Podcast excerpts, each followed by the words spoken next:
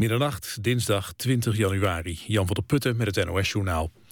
Een jihadist van 17 uit Amsterdam is zaterdag bij een bombardement in Syrië om het leven gekomen. Dat bevestigen verschillende bronnen aan de NOS. De jonge Ashraf ging al vroeg om met moslim-extremisten. Eind 2013 ging hij naar Syrië, ondanks pogingen van zijn familie om hem tegen te houden. Af en toe had hij contact met Nederland.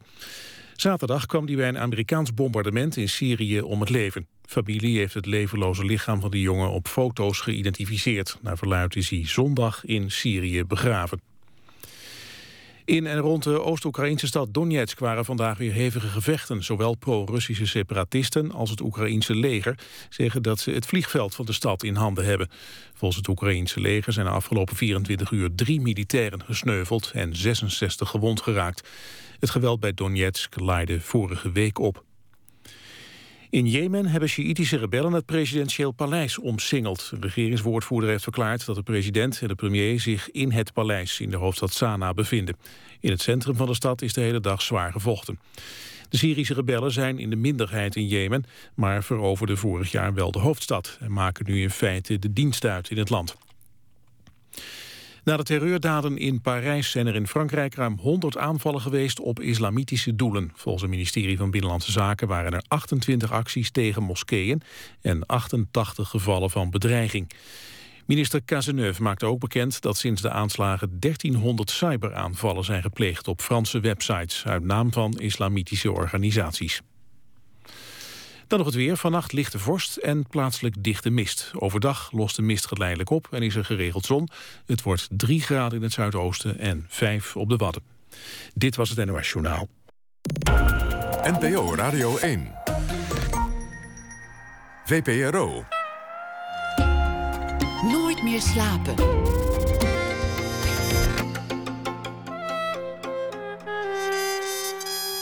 Met Pieter van der Wielen. Goedenacht en welkom bij Nooit meer slapen. Na één uur krijgt u een verhaal van uh, schrijver Philip Huff. Die zal de afgelopen dag in een fictief verhaal omzetten en het resultaat uh, na ene dus voordragen. Die interview beleefde zijn Nederlandse première. Die interview, wat was het ook alweer? Het lijkt ineens alweer een eeuwigheid geleden dat het draaien van deze keiflauwe komedie over Noord-Korea een symbool van de westerse vrijheid leek te zijn. Is die film nou daadwerkelijk zo slecht als beweerd is. Dat hoort u ook na ene. Maar we beginnen met Auke Hulst. Slaapzacht Johnny Idaho is de titel van het uh, nieuwe boek over een wereld waarin het eeuwig leven bereikbaar lijkt te zijn voor wie het kan betalen. De bedrijven zijn er de baas. Privacy is iets uit het verleden. Wat ook mee is gekomen uit onze tijd zijn Al-Qaeda en goed nieuws, de jazzmuziek. Het is uh, zijn vierde roman. Zijn vorige Kinderen van het Ruige Land was een, uh, een, groot succes. Een autobiografische roman was dat over zijn jeugd in Denemarken-Groningen, een van de gaswingebieden. Auke Hulst werd geboren in 1975 in Hoge Zand. Hij is schrijver en muzikant. Welkom, uh, Auke Hulst. Ja, dank je. Ik wilde beginnen met het, het nieuws van vandaag. dat was, er was veel nieuws, maar dat was onder meer dat er een rapport is verschenen um, van Oxfam waarin staat dat in 2016 het zover zal zijn dat de allerrijkste 1% van de wereldbevolking. De helft van de wereld bezit. Ja, het kwam er eigenlijk op neer evenveel vermogen heeft als de rest. Ja. Dus, uh, dus die, die 1% heeft dan uh, niet evenveel inkomen, maar in ieder geval evenveel uh, op de bank staan als de andere 99%. Het andere nieuws was dat zowel de Europese Commissie als Barack Obama onmiddellijk zei van we gaan de belasting verhogen. Je zou ook kunnen zeggen, we gaan zorgen dat de armen wat meer verdienen. Dan hoeven we ook niet meer jaloezie te hebben voor, voor de rijkeren. Je kan het langs meerdere wegen oplossen. Maar ik wil het aan je voorleggen, omdat het eigenlijk iets is wat volgens mij in jouw boek een vrij prominente rol speelt. Nou, het, um, een van de uh, oorspronkelijke uh, aanjagers van het idee van dit boek is dat ik een, een wereld wilde laten zien waar een soort van economische apartheid heerst. Het speelt op een. Het verhaal speelt grotendeels op een uh, groep artificiële eilanden. Uh, gesticht door een conglomeraat van multinationals. En die eilanden zijn ook. Uh, elk eiland bevat ook zijn eigen sociaal-economische klasse. Um, de allerrijkste wonen op een heel chic eiland met golfbanen en grote villa's. en de allerarmste die wonen op een soort van ja, je, je zou het een, een, een groot, soort, uh, grote, groot soort achterbuurt kunnen noemen. Eh, en wat ik wilde doen is. Je is hebt ook de- een, een kaart meegeleverd hè, met het boek waarin, waarin Ja. de- deze fictieve archipel wordt geschetst. Nou, ik wilde eigenlijk een soort van de economische verhoudingen in de wereld aanschouwelijk maken, fysiek maken. Dat zijn ze natuurlijk in, groot, in, in grote mate al. Eh, niet, niet zo heel sterk in Nederland. Eigenlijk ook wel, maar bijvoorbeeld in een land als Brazilië zie je het heel sterk. Waar, waar de rijken in gated communities wonen. eh, en de vele, vele armen in de sloppenwijken. Ehm En die komen elkaar ook echt niet meer tegen. Dat is, dat is echt nee, dat is uitgesloten. is uitgesloten dat je elkaar Ja. nog tegenkomt. Dat is ook niet de bedoeling. Dat is niemands bedoeling. Nee. Nou, het is natuurlijk met. w- Wat je krijgt is een wereld waarin de sociale mobiliteit gewoon op een zeker moment bevriest en nul is. Met Eh, andere woorden, als je arm geboren bent, dan kun je het ook shaken. Dan zul je nooit bij die 1% horen. Klopt. Maar dat is, dat is automatisch het. Waarom die schreef, scheefgroei ontstaat. Nou, dit is eh, al, al door veel slimmere mensen al eh, voorgerekend. Als je als vermogen meer ehm, inkomen oplevert dan arbeid. Dan, groei, dan, dan groeit automatisch de kloof tussen de vermogenden en de arbeidenden. Of zelfs de mensen zonder arbeid, eh, die, die al helemaal geen inkomen hebben. Ehm, ja, dat, dat, vermogen dat is een soort van een tumor. Eh, In de zin dat het groeit. het groeit. Het, er is wildgroei van vermogen bij die mensen die vermogen hebben. Ehm, en dat, ja, dat, dat destabiliseert op een zeker moment de verhouding in de wereld. Ik, ik denk ook. Want dat is, dat is natuurlijk de vraag die eronder ligt. Is een, is een democratie nog mogelijk als eh, de welvaart zo geconcentreerd is bij een paar mensen? Nou, je, kunt, je kunt zien, in, eh, in Ameri- vooral in Amerika, wat het betekent als, eh, als money equals speech. De, in, ik geloof dat sinds. Je hebt, je hebt daar. Even een klein dingetje over de Amerikaanse verkiezingen. Een paar jaar geleden is er een baanbrekende. Een hele slechte uitspraak geweest van het Hoge Rechtshof. ehm, waardoor er iets is ontstaan wat een super PAC heet. Super PACs en super PACs zijn eigenlijk manieren voor rijke mensen om ongelimiteerd invloed op het politieke proces uit te kunnen oefenen. Eh, waardoor er een situatie is ontstaan dat ik geloof 240 mensen net zoveel geld doneren aan politieke campagnes eh, als alle andere burgers bij elkaar. Ehm, en daar krijg je iets voor. Dat is onvermijdelijk. Inspraak, eh, kortom. Nou was, eh, was een van de legendarische momenten van eh, Margaret Thatcher in een debat... dat ze, dat ze de, ehm, de socialisten de oren was, wa- waste met de uitspraak van... ja, wat maakt het nou uit als het verschil groter wordt? Als de armen rijker worden en de rijken rijker worden... dan wordt iedereen toch rijker. Dan is iedereen toch uiteindelijk blij. Die armen moeten niet naar de rijken kijken, moeten naar hun eigen inkomen kijken. De koek wordt groter dat gaat nu niet op, want eigenlijk zijn eh, ehm, vanwege de crisis zijn zeg maar de 99% iets armer geworden. Nou, en maar dat is niet alleen 1% vanwege de crisis. Het, het, eh, het, het reële inkomen van, van de middenklasse en lager stagneert al 30 jaar. Dus dat is, dat is iets al wat, wat al veel, veel, veel, veel langer speelt. Ik had het idee Maar dat, van dat dit- was stagneren en nu was het ook daadwerkelijk achteruit gegaan. Dat was het verschil. Ja, nou ja, stagneren is er in. Eh, Feitelijk ar- ar- armoedeervaring is ook, is ook een relatief iets. Eh, en volgens mij zijn mensen. Nou, als, je, als jij stagneert en eh, andere mensen gaan vooruit, word je, word, je in, in- word je qua beleving armer. Wat was het moment dat je dacht, eh, hier zit eigenlijk wel een soort science fiction verhaal in? Een, een wereld waarin arm en rijk definitief scheiden en waarin bedrijven zich definitief ontworstelen aan de overheid en zelf een overheid worden. Nou, dat, dat, dat idee heb, had ik denk ik een jaar of 10, 12 geleden. Dus nog lang voordat er een crisis was. Maar, zo, maar dat je, toen zag je toch al die processen die waren al, al gaande.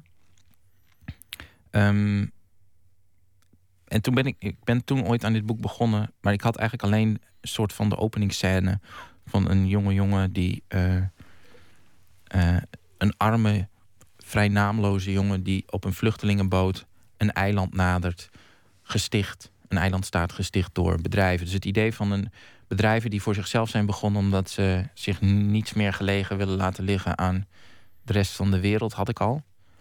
Maar dat is gewoon nog geen roman. Ehm, en door de crisis ben ik wel meer over gaan nadenken. En be- begon het me ook wel te dagen waar dit boek allemaal over zou moeten gaan. en ik heb eh, wat, wat daar een beetje los van staat, op zeker moment ook drie, de, drie hoofdpersonages gevonden. ehm, die, mij, die mij eh, de mogelijkheid zouden geven om die wereld te laten zien vanuit verschillende eh, invalshoeken. Verschillende personen. Ja. Het, het, ehm, als je schrijft over de. Nou het, het is niet gezegd dat het de toekomst is. Het zou ook een parallele wereld kunnen zijn. Het zou, dat wordt in het midden gelaten. Laten we ervan uitgaan dat het de toekomst is. Eh, dat Nou, dat, dat, ik, ik heb- laat het heel bewust in het midden. Het, het enige wat ik er wel van kan zeggen is dat bijna alles wat er in het boek staat, hoe krankjorum soms het ook lijkt, dat het bijna allemaal al zo bestaat als het daar in het boek staat, of een voorlopige ver, voorloper. Eh, het is niet ver. Want eigenlijk gaat elke ehm, utopie of dystopie of, of elk doemscenario gaat over het heden. Want de toekomst kan je niet Tuurlijk, kennen. En dit zijn allemaal dingen die enorm in het nieuws zijn. Ja. Privacy bestaat niet. Mensen hebben permanent een Google Lens in. Mhm. Maar die Google Lens die wordt ook afgetapt door anderen. Dus wat jij ziet, dat zien Ja, anderen ze, ook. ze hebben inderdaad, ze hebben, ze hebben lenzen in en, en oortjes. En zoals iemand zegt, eh, maar de oortjes luisteren mee en de lenzen kijken terug. Ehm, Kortom, je eigen wereld bestaat niet meer. Je ziet iedereen onder de douche. Je, je weet wie het met wie doet. Je weet hoe laat mensen thuiskomen. Privacy Nou, in- is in- voorbij. ja, in, in potentie kunnen mensen die, die hackers, geheime diensten, whoever, bedrijven. Want het gaat dan natuurlijk vooral over be- bedrijven die informatie verzamelen over burgers. ehm, kunnen alles zien, ja. En, Dat- en, en dat vind ik wel. Wat mij daaraan interesseerde. Eh, was ook de vraag in, hoeverre je dan nog ehm, jezelf kan zijn en een identiteit kan vormen. Als, Omdat je- als, als, als je, je geen privacy hebt. Nee, je als je, nog- altijd, als je altijd gezien wordt.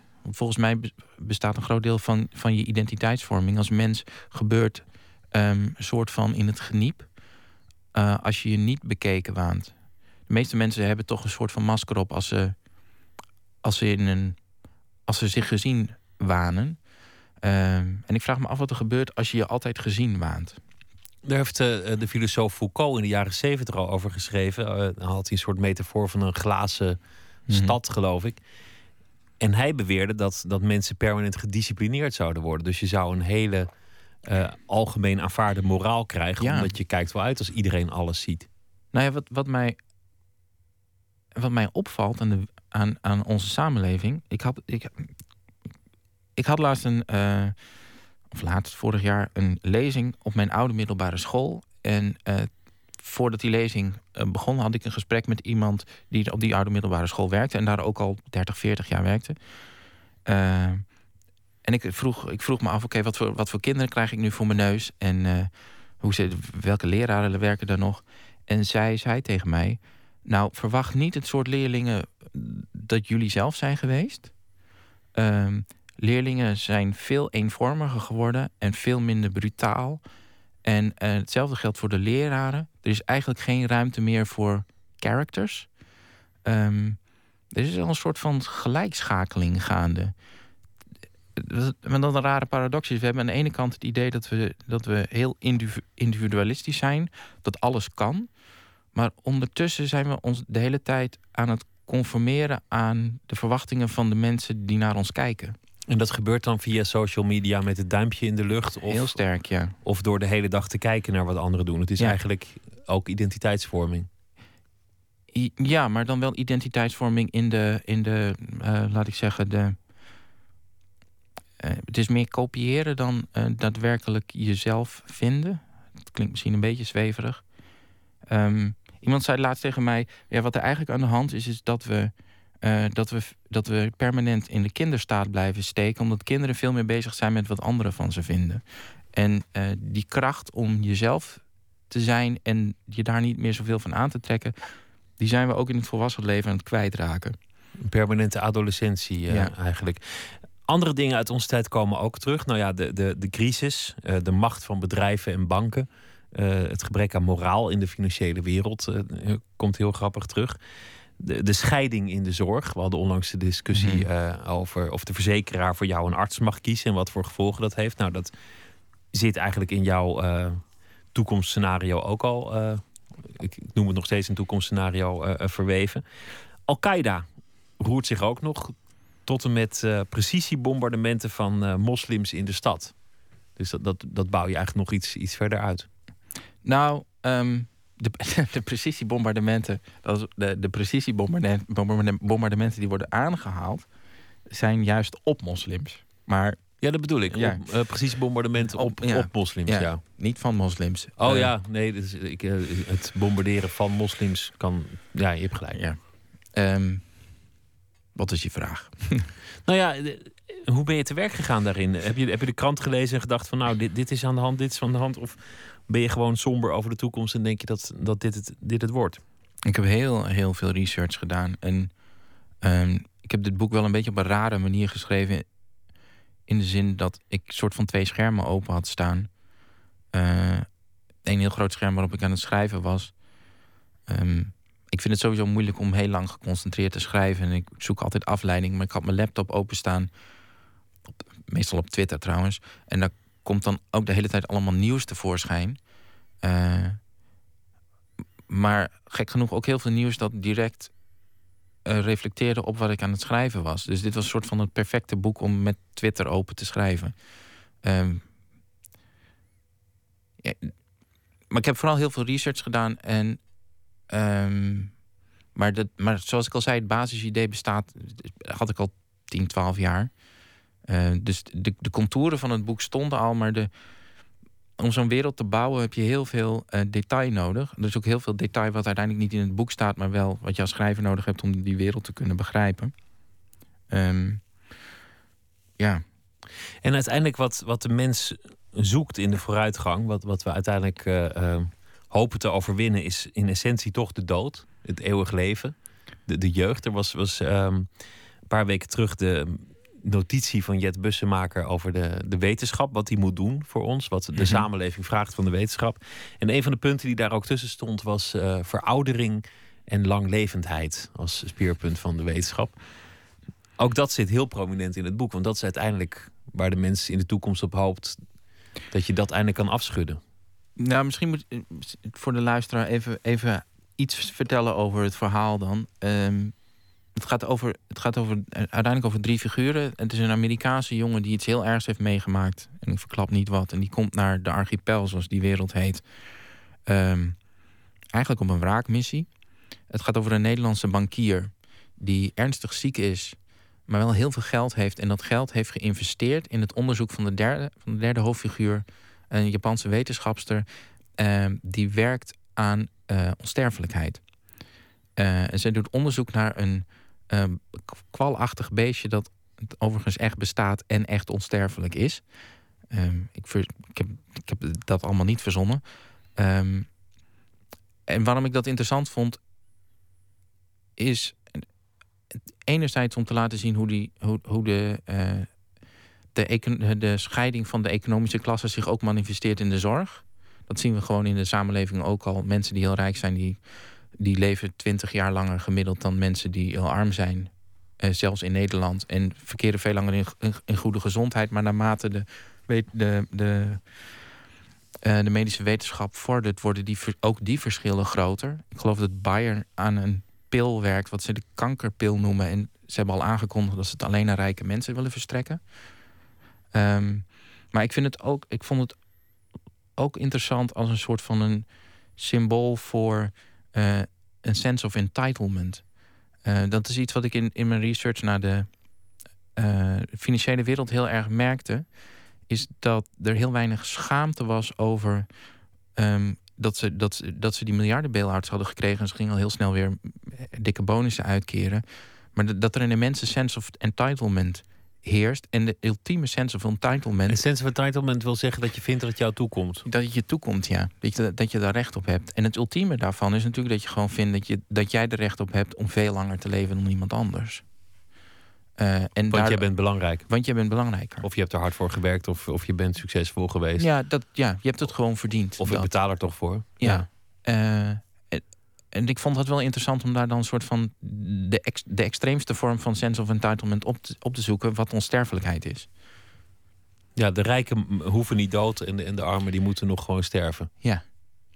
Je, je pleegt ook veel um, citaten en, en eh, verwijzingen naar oude boeken. Eh, onder meer komt ehm, Moby Dick eh, steeds terug van Melville uit 1851. Mhm. Over, de, over de jacht op, op, een, op, een, ja, op een walvis die je eigenlijk nooit helemaal zult bezitten. Die je nooit helemaal zult, Nou, zult die, vinden. de jacht op die walvis, daar ga je uiteindelijk aan ten onder. Juist. Ja. Is dat ook de parallel? Want is dat ook de reden waarom de hoofdpersoon Melville permanent leest en opvoert? Nou, eh,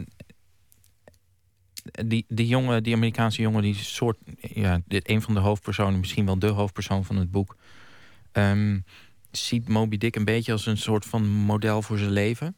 Hij is zelf op een wraakmissie en kapitein Ahab in Moby Dick is op een wraakmissie. Moby Dick heeft ooit het been, eh, het been afgebeten van kapitein Ahab. En kapitein Ahab, die, eh, die tolereert die wereld uit balans niet. En die zal wraak nemen op Moby Dick. En gaat daar niet alleen zelf aan ten onder, maar sleept ook velen met zich mee in zijn wraakzucht. Maar Johnny Idaho snapt dat boek niet helemaal. Dus die uiteindelijk wel. Maar gedurende de loop van het boek ziet hij eerst voornamelijk als zijn doel om de witte walvis te vangen, zijn witte walvis. Die hem ook bijna zijn been heeft gekost, overigens. Juist, dat is, eh, dat zijn geschiedenis. Ehm, en de jazzmuziek die overleeft, dat is het goede nieuws. Dat mensen luisteren in de toekomst eh, of in de parallele wereld, wat het ook is. Miles Davis, Charlie Parker en, en eh, John Coltrane. Dat is de muziek die dominant is geworden. Dat, eh, dat vond ik een leuke verwijzing. Laten we gaan luisteren naar hele andere muziek trouwens. Want ik wil nog veel meer dingen met je bespreken dan alleen het laatste boek. We gaan luisteren naar ehm, The National met het nummer I Need My Girl.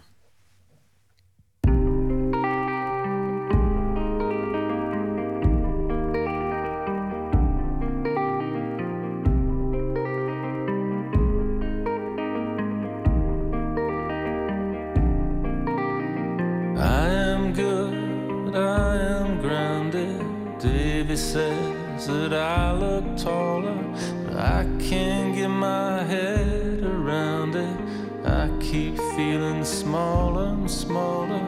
I need my girl. I need my girl.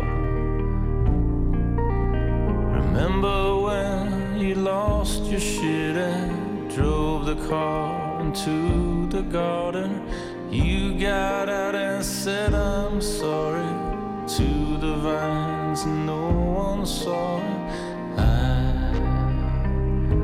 need my girl. I need my girl. I'm under the gun again. I know I was a 45% of them.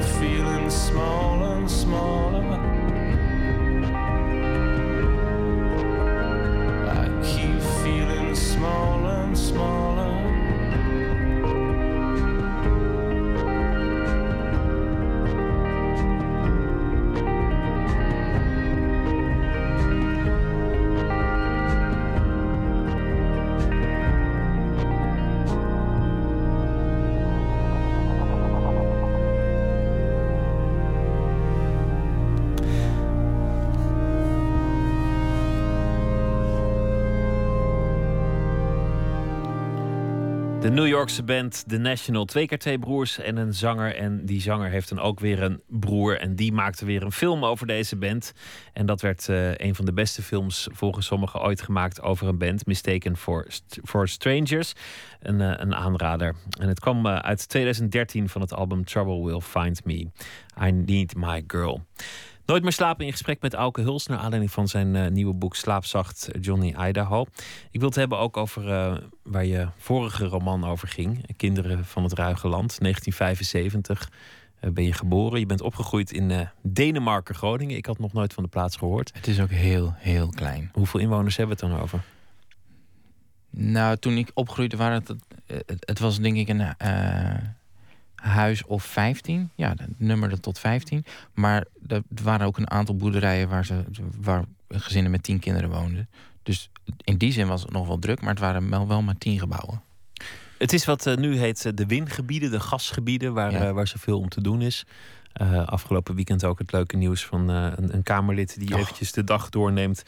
Bellend in de trein. En eh, daar zit de milieubeweging toevallig in dezelfde coupé. Ik Nou, de, dag, de dag doorneemt gewoon de, de, de strategie, de strategie van het, van het foppen van de Groningers. eh. Ik vind het gewoon heel grappig als mensen. Ja, dat is, als automobilist moet je altijd lachen om dat soort dingen. Omdat je in je eigen auto natuurlijk gewoon iedereen kan bedonderen via het speakertje. Als je het maar hands-free doet. Maar goed, dat was het nieuws. Merkten jullie dat toen eigenlijk al? Trilde de grond? Nee, de grond trilde niet. Eh, tenminste, ik heb het nooit gemerkt. Eh, wat wel gebeurde, vroeger, vroeger, eh, vroeger eh, werd er nog afgefakkeld.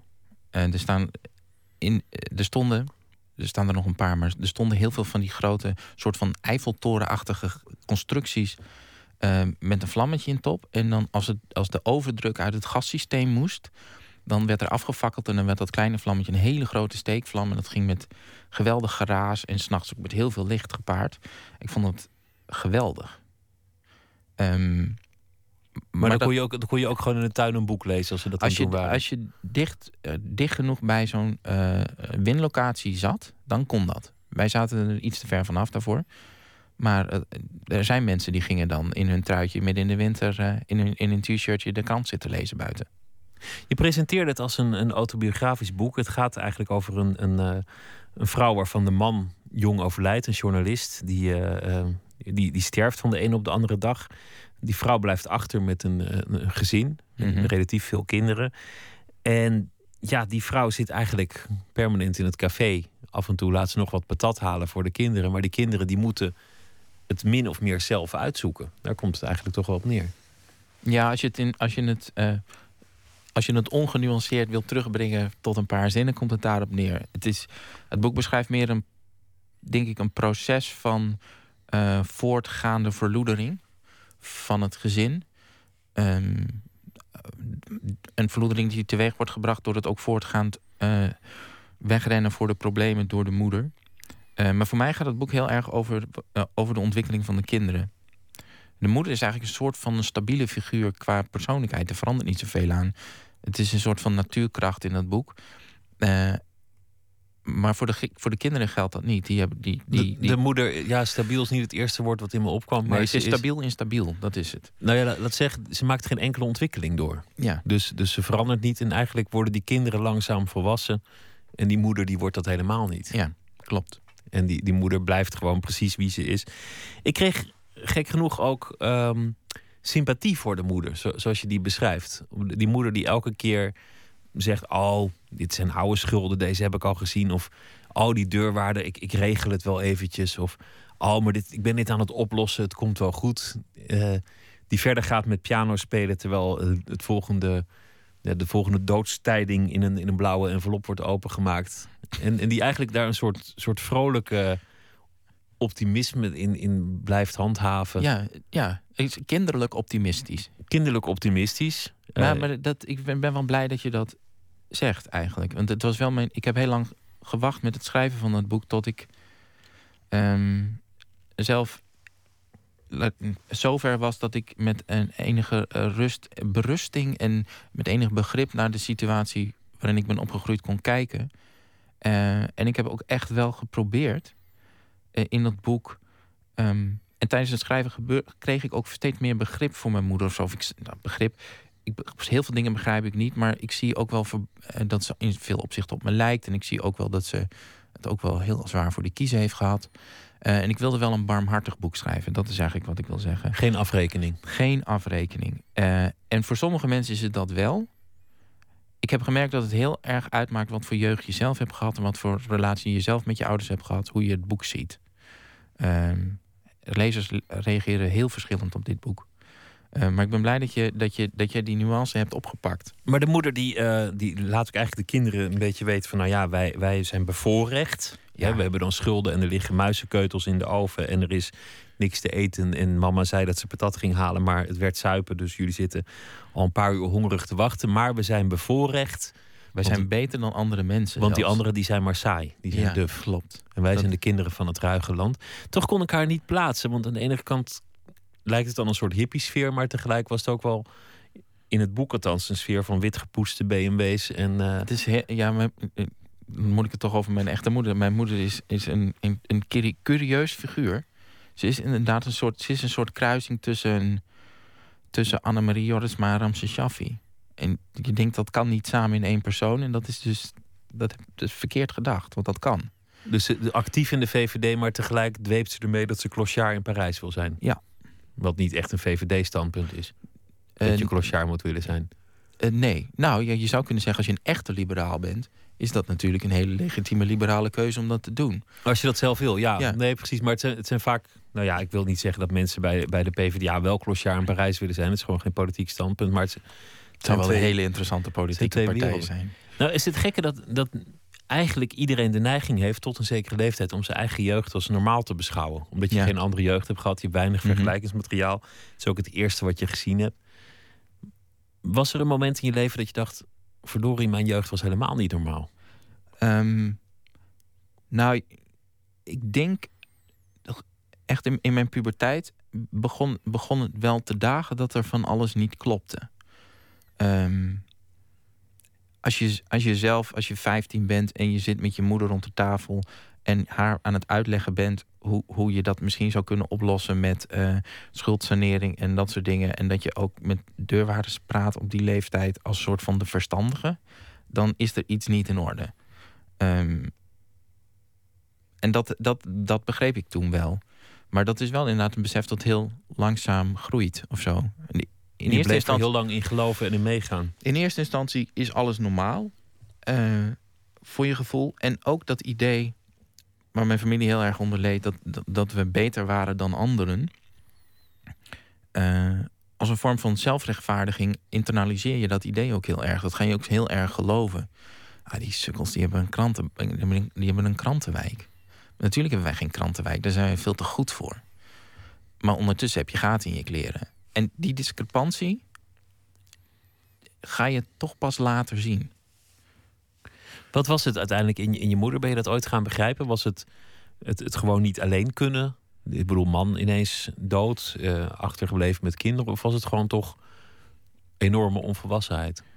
Ja, en ook een hele grote vrijheidsdrang. En eh, het, het zeer als verstikkend, alle verantwoordelijkheid als zeer verstikkend ervaren. En dat is iets wat ik ergens wel herken en waar ik mezelf ook tegen bescherm. Ik, ehm, ik, ik heb bij alle rekeningen die ik moet betalen, waar mogelijk zet ik alles op automatisch in kassa om mezelf te beschermen tegen de aanvechting om niet te betalen. Ehm, waar mijn moeder gewoon aan ten onder is gegaan. Aan de aanvechting om niet te betalen.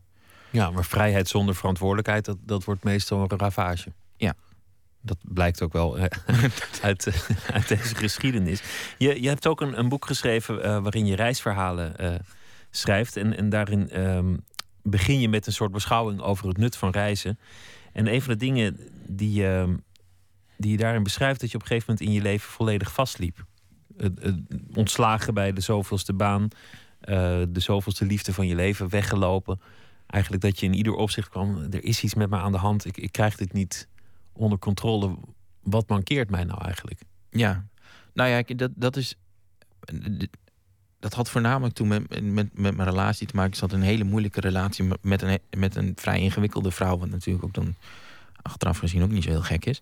Eh, Maar en, en daar liep. ik- achteraf zijn de meeste gewoon Ja. ingewikkeld, toch? Ja. Ja. Maar goed. Maar ik liep inderdaad vast en eh, ik schreef toen heel veel voor Vrij Nederland. En er was echt werkelijk geen land met mij te bezeilen. En ik bleek ook dat ik de ziekte van Pfeiffer had, terwijl ik het niet wist. Er was er van alles met me aan de hand. Maar dat was wel het moment dat ik dacht: oké, ik kan dit nu allemaal buiten mezelf gaan zoeken. Van oké, die vrouw is moeilijk. En ik, ben, en ik heb de ziekte van Pfeiffer en daar kan ik ook niks aan doen. Eh, en, maar dat was het punt dat ik dacht: ehm, er is, het zit van alles ik functioneer zelf gewoon niet goed. En dan moet ik, dan moet ik eens streng naar gaan kijken en daar wat aan gaan doen. Ehm, en dat, dat is een lang proces. Eh, Je en- bent met een, eh, met een psych gaan praten. Wat, wat, wat gebeurt er als je opgroeit in een gezin waarin je eigenlijk aan je lot wordt overgelaten? En, en jullie waren dan met meer kinderen, dus jullie konden elkaar nog een beetje doorheen helpen. Maar nou ja, op je vijftiende was jij al de verstandige persoon die het woord maar moest voeren met eh, de deurwaarder. Wat, wat heeft dat met je eigen ontwikkeling gedaan? Nou, er is heel weinig ruimte voor, vooral voor, voor een gezonde, rustige emotionele ontwikkeling. En dat is waar ik tegenaan liep. Dat mijn emo- emotionele ontwi- ontwikkeling, ja, die, die was gewoon on, onvolmaakt. En ik had een. eh, ehm, wat, er gebeurt is, je groeit dan op in, in wat ik existentiële onzekerheid en onveiligheid noem. Eh, en dat, dat gaat echt in elke vezel van je wezen zitten. Dat voortdurende gevoel van onveiligheid. En dat hou je ook als je niet onveilig bent. Eh, je komt daar heel moeilijk van af. En daardoor heb je, ben je eigenlijk altijd een soort van nerveus en angstig. En ik was ook heel erg. Toen ik begon als journalist, was ik als de dood voor de telefoon. Wat buitengewoon onhandig is als je journalist bent. Soms moest ik iemand bellen. En dan zat ik echt ja, uren, soms dagen tegen te vechten om dat gesprek te voeren. Eh, dat, dat, dat is wat, er- wat er vooral met je gebeurt. Ehm, Niet zo verwonderlijk, want het was natuurlijk ook niet veilig thuis. Ik bedoel, je Nee. wist niet hoe lang je in het huis kon blijven. Als iemand zei, ik, eh, ik ga wel eventjes eh, eten halen, dan kwam er geen eten. Als mama zei, ik, ik, ik ben er zo, dan was ze er helemaal niet zo. En, en je vader, daar kon hij dan even niet zo gek veel aan doen. Maar die, die Nee, zei, maar- ik ga even liggen, die was dood. Ja, nou dat is natuurlijk uiteindelijk de, de, de, de grootste vorm, vorm van onveiligheid voor een kind. Eh, Je, je, je moet ervan uitgaan dat je altijd op je ouders kan bouwen. En als de een dan eh, naar zijn werk gaat en nooit meer terugkomt omdat hij dood is, dat is wel. In zekere zin is dat een soort van het ultieme verraad. Ook al kan hij daar niks aan doen. Maar dat, dat is voor een, voor een. Voor elk idee van veiligheid is dan weg. In jouw eh, laatste boek komen eigenlijk alleen maar onthechte mensen voor... Die, die geen enkele relatie hebben tot anderen... en die ook allemaal permanent opgejaagd zijn. Ja. Om wat voor reden dan ook. En, en niemand die ooit een keer zi- zich op zijn gemak voelt bij een ander. Klopt. Ehm, aan, aan de ene kant is ik, ik, dat boek gaat heel erg over wat, wat zo'n wereld met ons zou doen. En wat volgens mij de, de, de wereld van de economische apartheid en de permanente surveillance met mensen doet, is dat ze, dat ze geïsoleerd raken. Zelfs als ze in de illusie, verkeren dat ze met, voortdurend met mensen in contact staan via allerlei. We worden steeds eenzamer. Ehm, maar ik kon dat ook wel heel goed voor mezelf invoelbaar maken omdat dat in zekere zin eh, wel vergelijkbaar is met dat voortdurende gevoel van onveiligheid dat ik, uit mijn, eh, dat ik gewoon uit mijn eigen leven ken. Ehm, en in die zin lijken die boeken eigenlijk wel op elkaar, al lijken ze helemaal niet op elkaar. Het zijn totaal andere boeken. Eh, Je zou dit kunnen omschrijven als science fiction. Wat in het boek over nou ja, over je jonge jaren. Het is natuurlijk een fictief boek, maar, maar wel eh, autobiografisch. Daar vlucht die jongen in aparte werelden. Mhm. Die zegt, eh, we gaan een ruimteschip bouwen. Die leest de hele dag science fiction. Die is, is bezig met, met die science fiction wereld. Dit zou je kunnen omschrijven als een science fiction boek. Was dat ook echt je vlucht? Een, een andere wereld, een ruimteschip? Een, eh, Nou, ik kan wel zeggen, ik, ik, klinkt misschien heel pathetisch, maar eh, lezen. En toen ik tussen mijn twaalfde en mijn zestiende heb ik ongelooflijk veel science fiction gelezen en geschreven. Dat is echt mijn redding geweest. Ehm, dat was, eh, dat was een, wel een veilige plek om naartoe te gaan, de wereld van het boek. En ook een manier om iets van de wereld te proberen te begrijpen. Science fiction reflecteert heel erg op de wereld. Het gaat eigenlijk altijd over, over de wereld waarin we nu leven.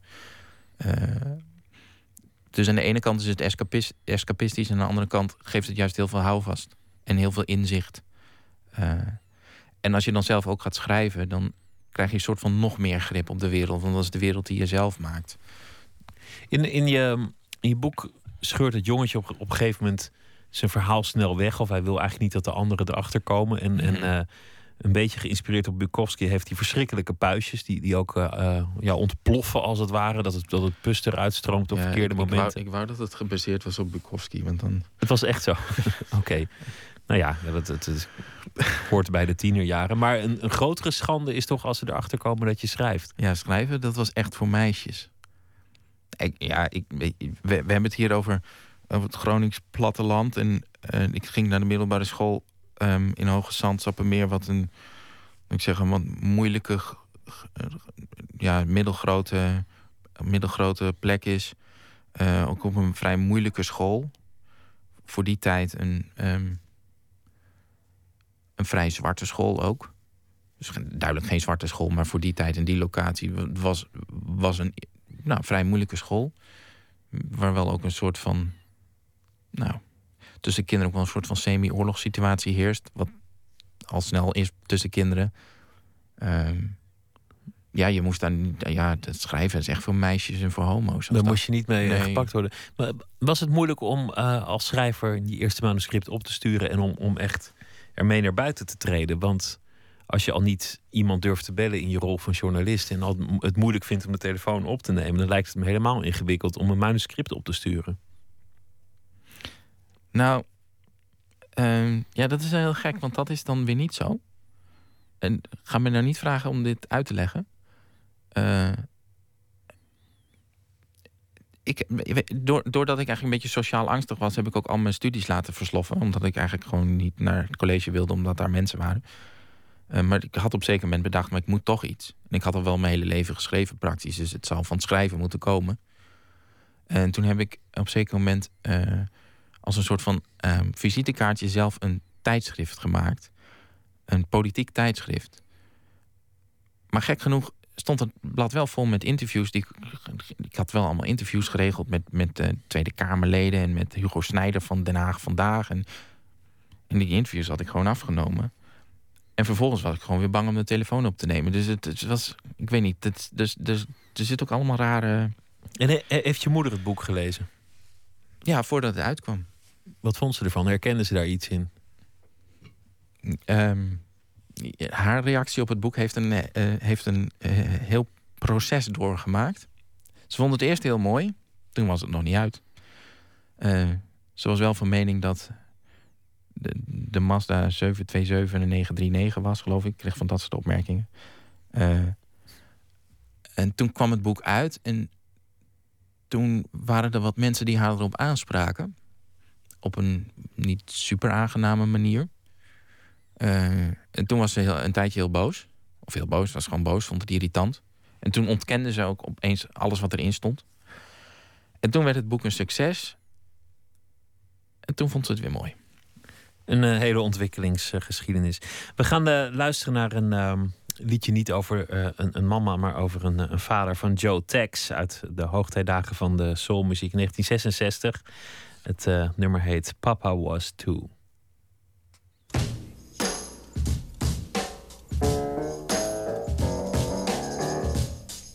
Tramp?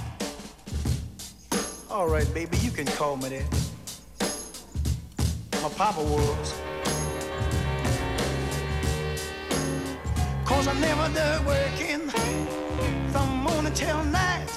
And the money didn't seem to ever come out right. No, no. Papa was a tramp,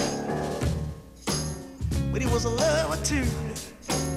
So why can't I do like Papa do? Alright, like a Papa do, yeah. like a Papa do now. Cause I'm his son. Why can't I be like my daddy?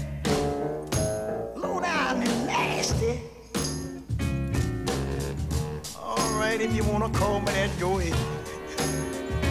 I guess Papa was too.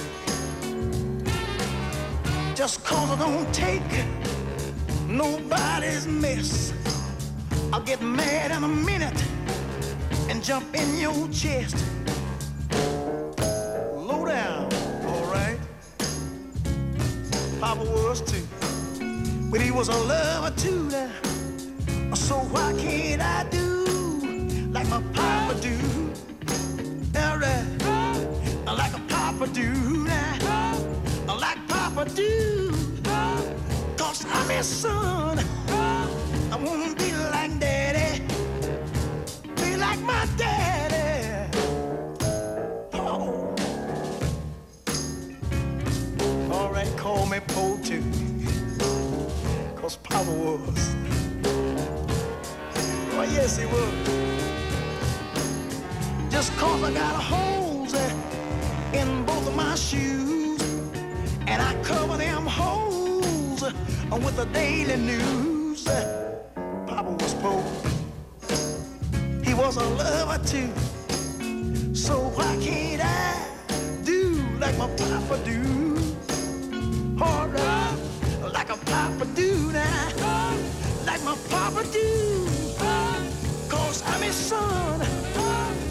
You understand? I wanna be like my daddy. Be like my daddy. Oh, I'm his son now. And don't you mess with me now. Just cause I wanna hang around and do nothing. Put newspaper in my shoes. I. Joe Tex, het was eh, de rivaal van eh, James Brown. Papa Was Too uit, eh, uit de jaren 60.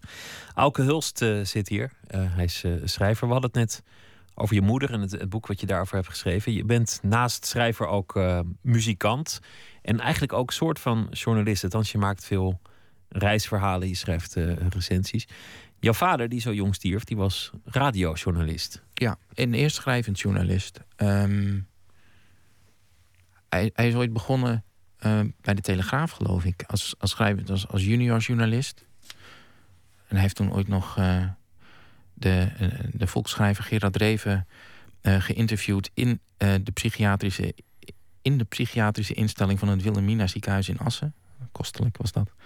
Ehm, maar hij is later radiojournalist geworden bij de Rono. Wat tegenwoordig is opgedeeld in RTV Noord, Omroep Friesland, RTV Drenthe en Omroep Overijssel. Of ik, ik weet niet precies hoe die omroep heet. RTV Oost, denk ik. Eh, heb je een beeld van hem? Want hij is, hij is natuurlijk eh, gestorven toen jij nog echt heel klein was. Ja, ik heb een paar beelden. Ik, ik, zie- ik zie vooral een man voor me die veel en veel te hard rijdt. Eh, veel te weinig slaapt. Ehm, eh, behoorlijk kan ontploffen. Ook heel liefdevol is. Twee pakjes ongefilterde sigaretten per dag rookt.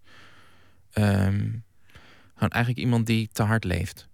Dat hoorde ook wel bij de journalistiek, eh, zeker in de jaren zeventig. Dat was, was de Ja. tijd van, van eh, de sherry bij de ochtendvergadering en de jenever bij de middagvergadering. En, en inderdaad heel veel roken. Als, als er niet boven jouw bureau een bruine vlek zat in het plafond, dan was je geen goed journalist. Ja, En Nou, heel veel ruzie maken. Ja, nou, dat was bij ons thuis. Waren er ook vrij veel bruine vlekken van het roken. Maar ook zaten er wat vlekken op de muren waar hij zijn koffiekopjes kapot had gegooid. Als hij, eh, als hij even boos werd. Een explosieve man. Ja. Heeft het iets met hem te maken dat jij en ik geloof ook je broer allebei ook de journalistiek min of meer in zijn gegaan? Nou, dat denk ik. Ja, dat vind ik een moeilijke vraag. Er, wordt, er zitten wel vrij veel schrijvende mensen in mijn familie. Mijn oom eh, Wieger eh, is, was vooral in de jaren 70 en 80 een bekende journalist eh, waar het Indonesië betrof. Die heeft mooie boeken geschreven over Indonesië. Uh, heeft ook met de Mujahideen in Afghanistan opgetrokken. Um, dus dat, dat schrijven, dat zit ook wel een soort van in het bloed, denk ik, ergens. En er is een zekere aanleg.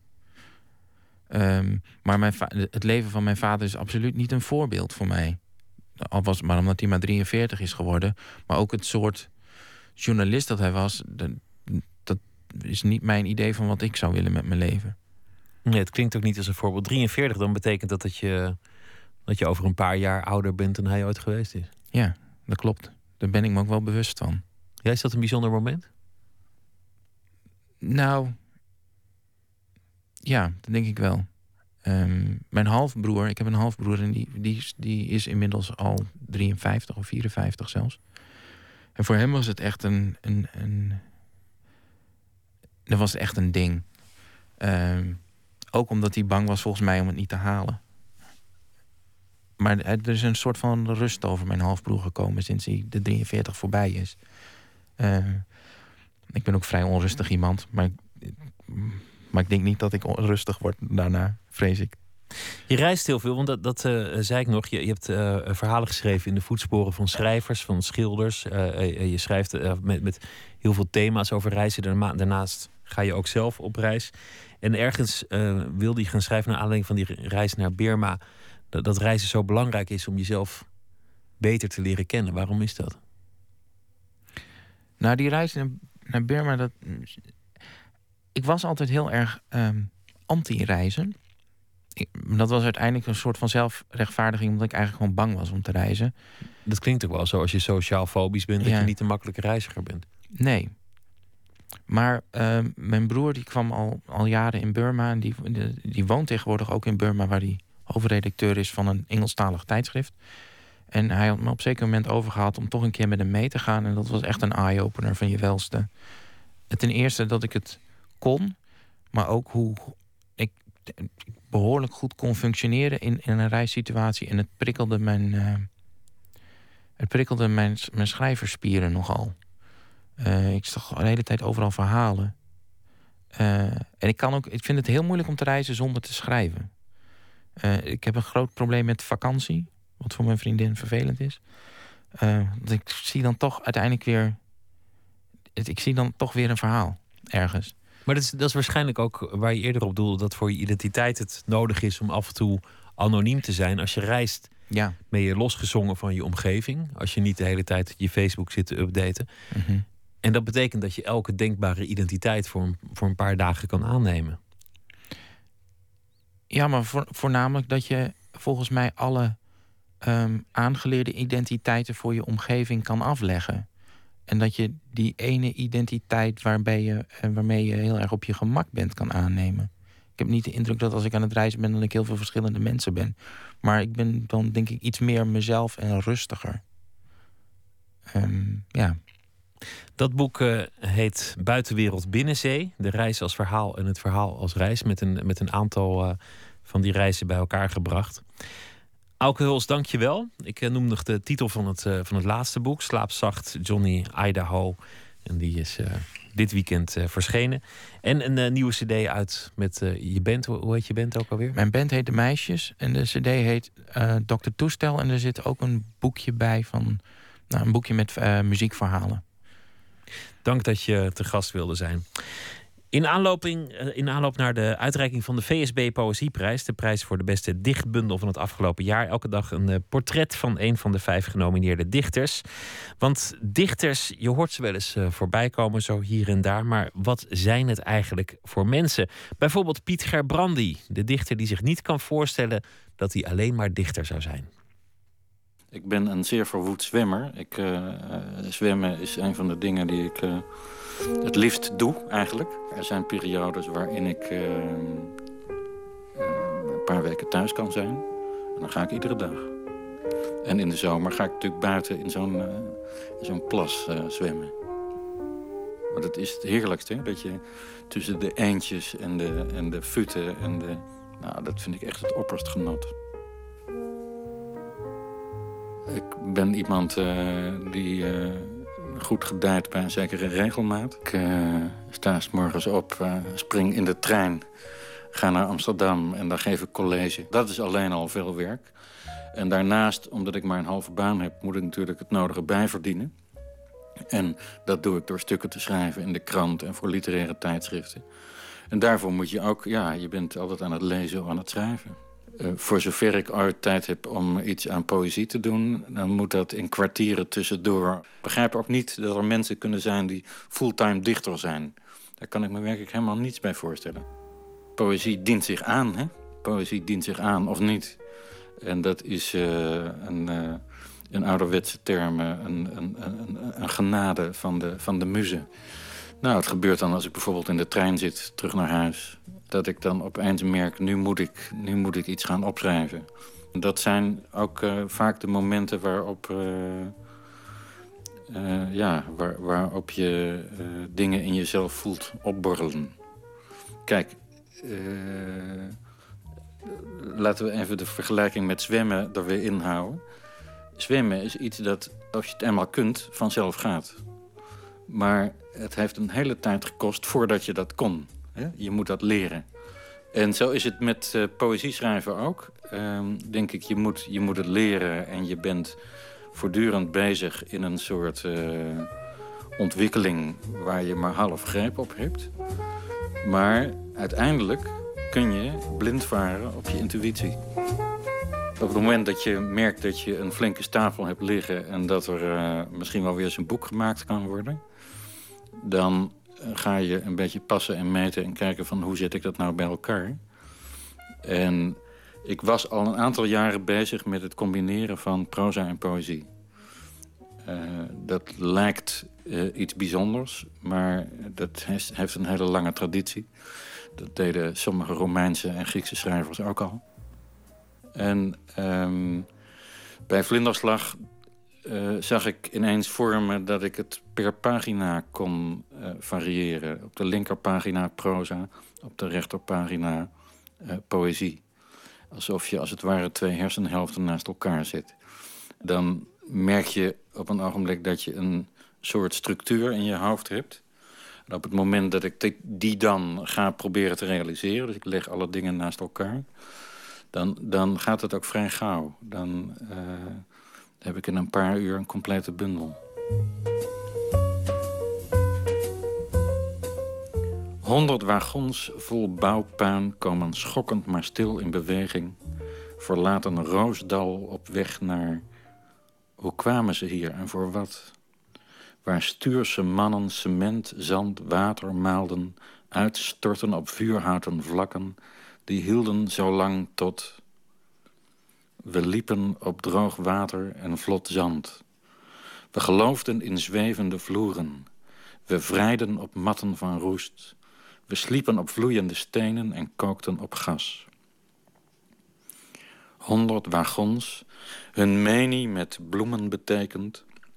En stoere schreeuwletters, paars en wit stof waait op uit hun holten. Waar vlijt men straks neer, al die muren?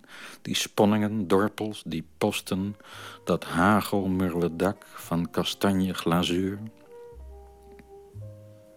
De uitdagingen van recycling zijn vrijwel onbegrensd.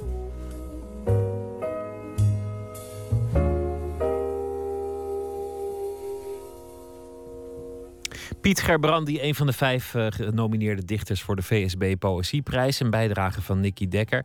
Meer over deze dichter uh, te horen via of uh, te lezen via de website vpro.nl/slash boeken. En daar vertelt hij onder meer waarom zijn bundel de titel Vlinderslag heeft gekregen.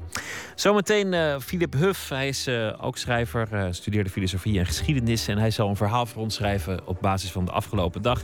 Met fictie reageren op de actualiteit of iets wat zich heeft voorgedaan En dat zal hij uh, zo meteen gaan voordragen. En we gaan het ook hebben over uh, The Interview. De film waar zoveel om te doen was een paar weken geleden. Hij uh, draaide vanavond in drie bioscopen in Amsterdam, Den Haag en Utrecht. En hij komt 29 januari uit. Is het nou inderdaad een slechte film?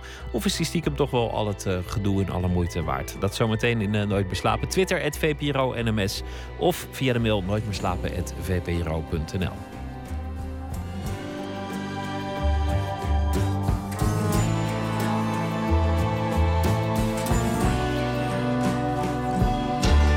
Radio 1, het nieuws van alle kanten.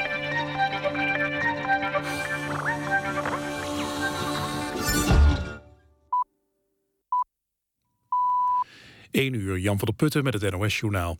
Een jihadist van 17 uit Amsterdam is zaterdag in Syrië om het leven gekomen. Dat bevestigen verschillende bronnen aan de NOS. De jongen, Ashraf, ging al vroeg om met moslim-extremisten. Eind 2013 ging hij naar Syrië, ondanks pogingen van zijn familie om hem tegen te houden. Zaterdag kwam hij bij een Amerikaans bombardement in Syrië om het leven. Familie heeft het levenloze lichaam van de jongen op foto's geïdentificeerd. Naar verluidt is hij zondag in Syrië begraven. Een demonstratie van de Duitse beweging Pegida is vanavond afgelast. Volgens de politie van Braunschweig was het te gevaarlijk. Er werd gevreesd voor een botsing met tegendemonstranten. Pegida verzet zich tegen wat de beweging zelf de islamisering van de westerse wereld noemt.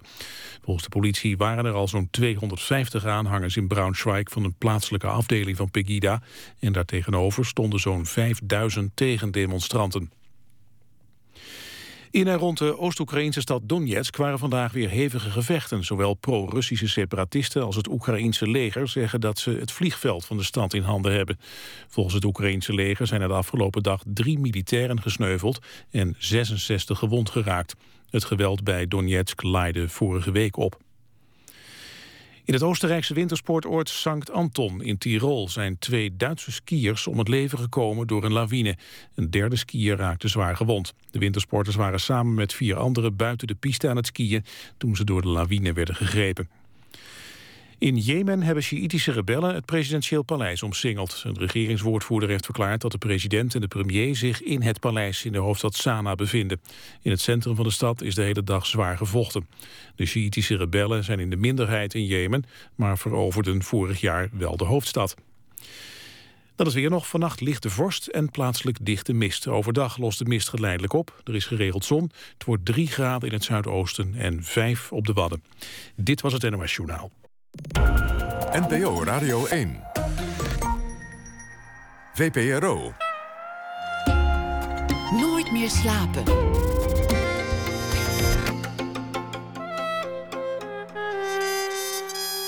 Met Pieter van der Wielen.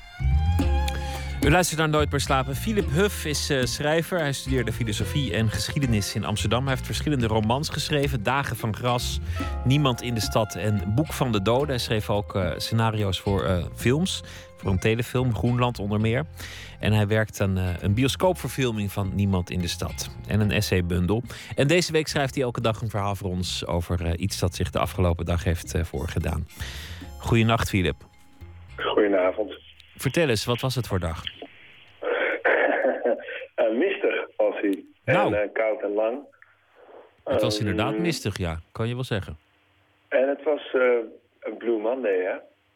Um, ik had voor mijn gevoel uh, twee weken regen meegemaakt. Het was de eerste dag niet, niet regende. Dus op zich viel die mij nog mee.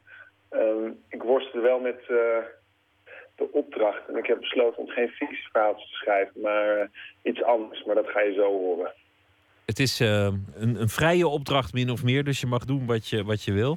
Wat heeft je uiteindelijk uh, tot schrijven aangezet? Nou, uh, de naam van het programma, Nooit meer slapen. En dat essayboek waar je het net over had. Ik gaf drie maanden geleden of twee maanden geleden aan de Universiteit van Leiden... bij de verwijlezing hield ik een verhaaltje over lezen en waar het naartoe gaat... En ik dacht dat ik de komende week um, maar elke dag ga proberen iets uit het nieuws te koppelen aan een, uh, een boek dat ik bewonder. En uh, proberen mensen zover te krijgen dat ze, dat ze dat boek eens opzoeken. En dan uh, is het vandaag Hermans met, met Nooit meer slapen. Ja, het hele stukje heet inderdaad Nooit meer slapen. Omdat we in een radioprogramma zitten over oh, ja, met die titel dacht ik eens even kijken of we over 20, 30 jaar nog steeds radioprogramma's maken met de titels van romans van nu. Ga je gang. Iedereen kent de onderzoeken. Fictielezen maakt mensen slimmer, empathischer, aardiger. En toch verdwijnen er steeds meer bibliotheken, blijven de boekhandels leeg en lezen steeds minder ouders en kinderen voor. Dat laatste is het ergste. Want ontlezing begint al voordat je zelf kunt lezen. recent Brits onderzoek onder bijna 35.000 kinderen tussen de 8 en de 16 jaar oud wees uit dat kinderen die geen favoriet voorleesboek hebben later sneller geneigd zijn te stellen dat ze lezen niet heel leuk vinden. Datzelfde onderzoek toonde aan dat 1 op de 5 kinderen in het Verenigd Koninkrijk het zelfs beschamend vindt met een boek te worden gezien. Maar een marginaal groter gedeelte, 1 op de 4 kinderen, leest buitenschool. In 2005 was het nog 1 op de 3. Terwijl de kinderen die buitenschool lezen, hadden vijf keer zoveel kans boven hun verwachte niveau te lezen. U raadt het al, de kinderen die dachten dat lezen niet cool was, hadden vijf keer zoveel kans onder hun niveau te lezen. Licht en overvloeden, zei de directeur van de Natural Literacy. Our research not only reveals that children are reading less and developing more negative attitudes towards reading, but also that there is a clear correlation between this and their performance in reading tests. En in het leven, zou ik willen zeggen. En lezen begint dus met voorlezen. De naam zegt het al. Vanaf morgenavond dus lees ik een zin voor uit een boek dat ik bewonder. Leg daarna uit waarom ik het bewonder. En begint daarna het hopen. Het hopen op de leraar die zijn leerling voorleest. Of de geliefde zijn vriend of vriendin. En hopelijk uit zijn of haar favoriete boek. Of het boek dat ik getipt heb natuurlijk. Juist. Vanaf morgen begin je met uh, een, een, zin uit een boek. En dan hoop je daarmee iedereen uh, te inspireren tot het uh, lezen daarvan. Juist. Ja, het, ehm, het, is, het is natuurlijk allemaal wel waar. Het is, het is goed voor de mensen om te lezen. Maar ja, ik, ik, weet niet, uiteindelijk moeten mensen daar toch ook een beetje zelf aan beginnen. Of denk je dat je dat echt actief kunt stimuleren via, via de jonge jaren? Nou ja, ik heb dus voor die verwijlezing daar wel ik dacht, ik mocht voor het eerst vijf jaar eens weer wat zeggen op universiteit. Um, ik heb geschiedenis en filosofie gestudeerd. Toch niet de hardste studies, maar wel uh, een waarbij de cijfers, statistieken uh, gebruikt kunnen worden. En um, ik vind 35.000 kinderen, de open deuren zijn dan wel de open deuren, maar ze zijn dan wel echt heel waar. Als je dus kinderen niet fan maakt van voorleesboeken, dan zijn ze dus minder geneigd om later zelf te gaan lezen. En ik lees heel veel voor op middelbare scholen en natuurlijk vindt iedereen daar lezen minder cool. Want je wordt puber en het moet en uh, je hebt er niet zo'n zin in. Maar al die kinderen, als ik dan vraag, hadden jullie vroeger wel een favoriet boek? Dan zijn er toch nog wel een boel die dat hadden. En dat zijn de mensen van wie ik vermoed dat ze later ook wel weer gaan lezen. En dat op een eigen manier gaan vinden doordat ze het getipt krijgen van iemand of gewoon een keer met vakantie gaan of een film hebben gezien en denken ik wil het boek wel eens lezen. Maar als je dus die mensen niet hebt, dan denk ik dat ze niet snel weer een weg terug naar het boek zullen vinden. Juist, dus als je ouders er altijd een, een eh, dvd'tje in uh, lazeren of je gewoon een spelletje op de smartphone geven, dan wordt het moeilijker later. Ja, ja dat denk ik. Oké, nou um, doe je best deze week met het aanprijzen van uh, de literatuur. En uh, voor nu wens ik je een hele goede nacht. Philip Huff. Dankjewel, Pieter. Dankjewel. Uit uh, New Jersey uh, komt hij, maar hij woont in Manchester. De zanger die zich uh, noemt BC Camplight. Hij heeft een derde album, How to Die in the North. En daarop vonden we dit nummer Adam Bomb.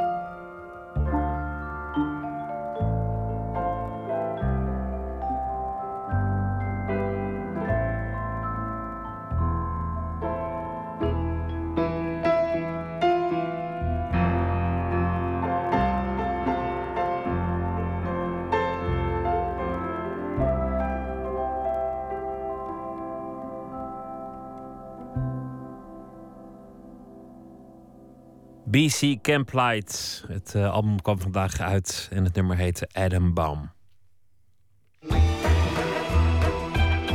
Nooit meer slapen. Afgelopen week verscheen de bananen-editie van het literair magazine Strak, uitgegeven door schrijvers en kunstenaars Jerry Hormoon en Elfie Tromp. Bovendien werken ze allebei aan hun nieuwe romans. Hoe werkt een schrijverstel eigenlijk? Maarten Westerveen probeerde dat uit te zoeken en zocht ze allereerst op in Rotterdam. In Hartje Rotterdam woont kunstenaarsduo Jerry Hormoon en Elfie Tromp. Jerry is muzikant en schrijver. Zat in de punkband The Apers en schrijft nu aan zijn boek Verhalenbundels verkopen niet. Een roman. Elfie Tromp debuteerde in 2013 met Guru en komt later dit jaar met een roman over hondensperma-smokkelaars. Dit laatste deels gebaseerd op de ervaringen die haar familie in het hondencircuit heeft opgedaan. Over honden gesproken, wie bij Jerry en Elfie langsgaat, moet eerst voorbij hun naakthondje Chin Chin. Jerry, hoi. Ga niet kijken naar de hond. Het ziet er heel schattig uit, maar het is heel territoriaal. Dus je moet er even niet naar kijken en dan Oh, blijft ze op oké. met blaffen. Ja, wat de meeste mensen doen, dan zeg je, je moet er gewoon even niet naar kijken, je moet gewoon negeren. En de meeste mensen negeren dan zo, oh wat leuk! En dan, en dan worden ze in de klauwen gezeten. Dat is een beetje de... Oké. Ja. Doe maar snikken.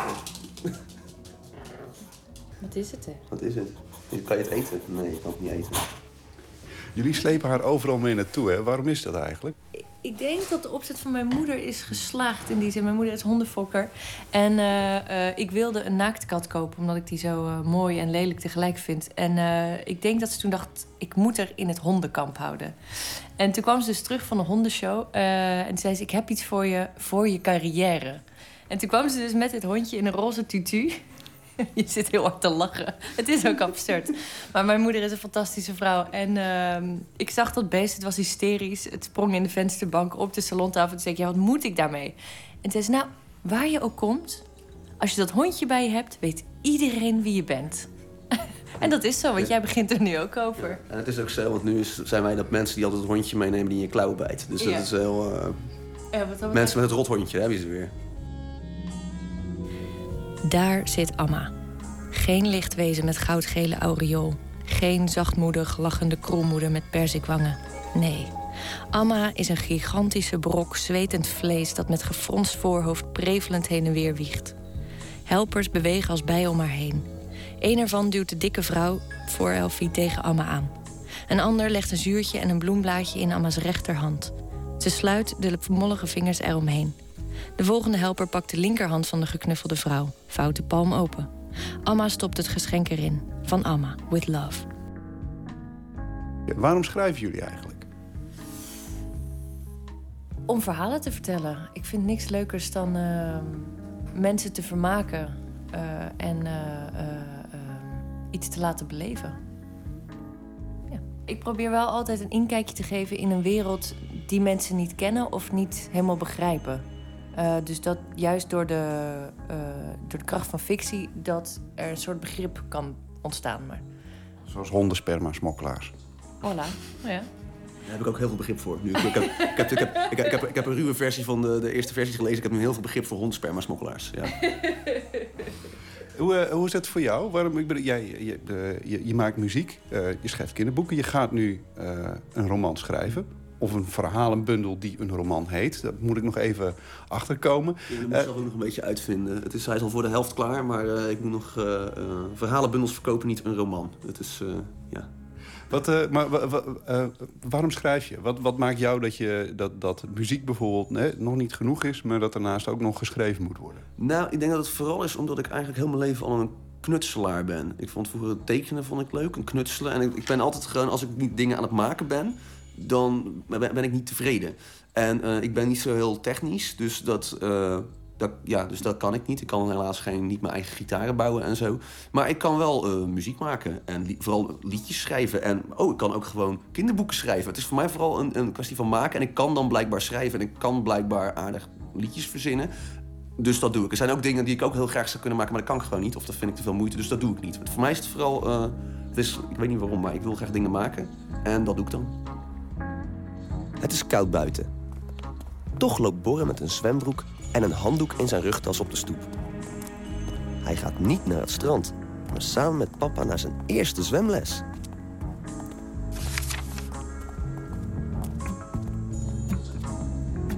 Borre trekt in een hokje zijn zwembroek aan.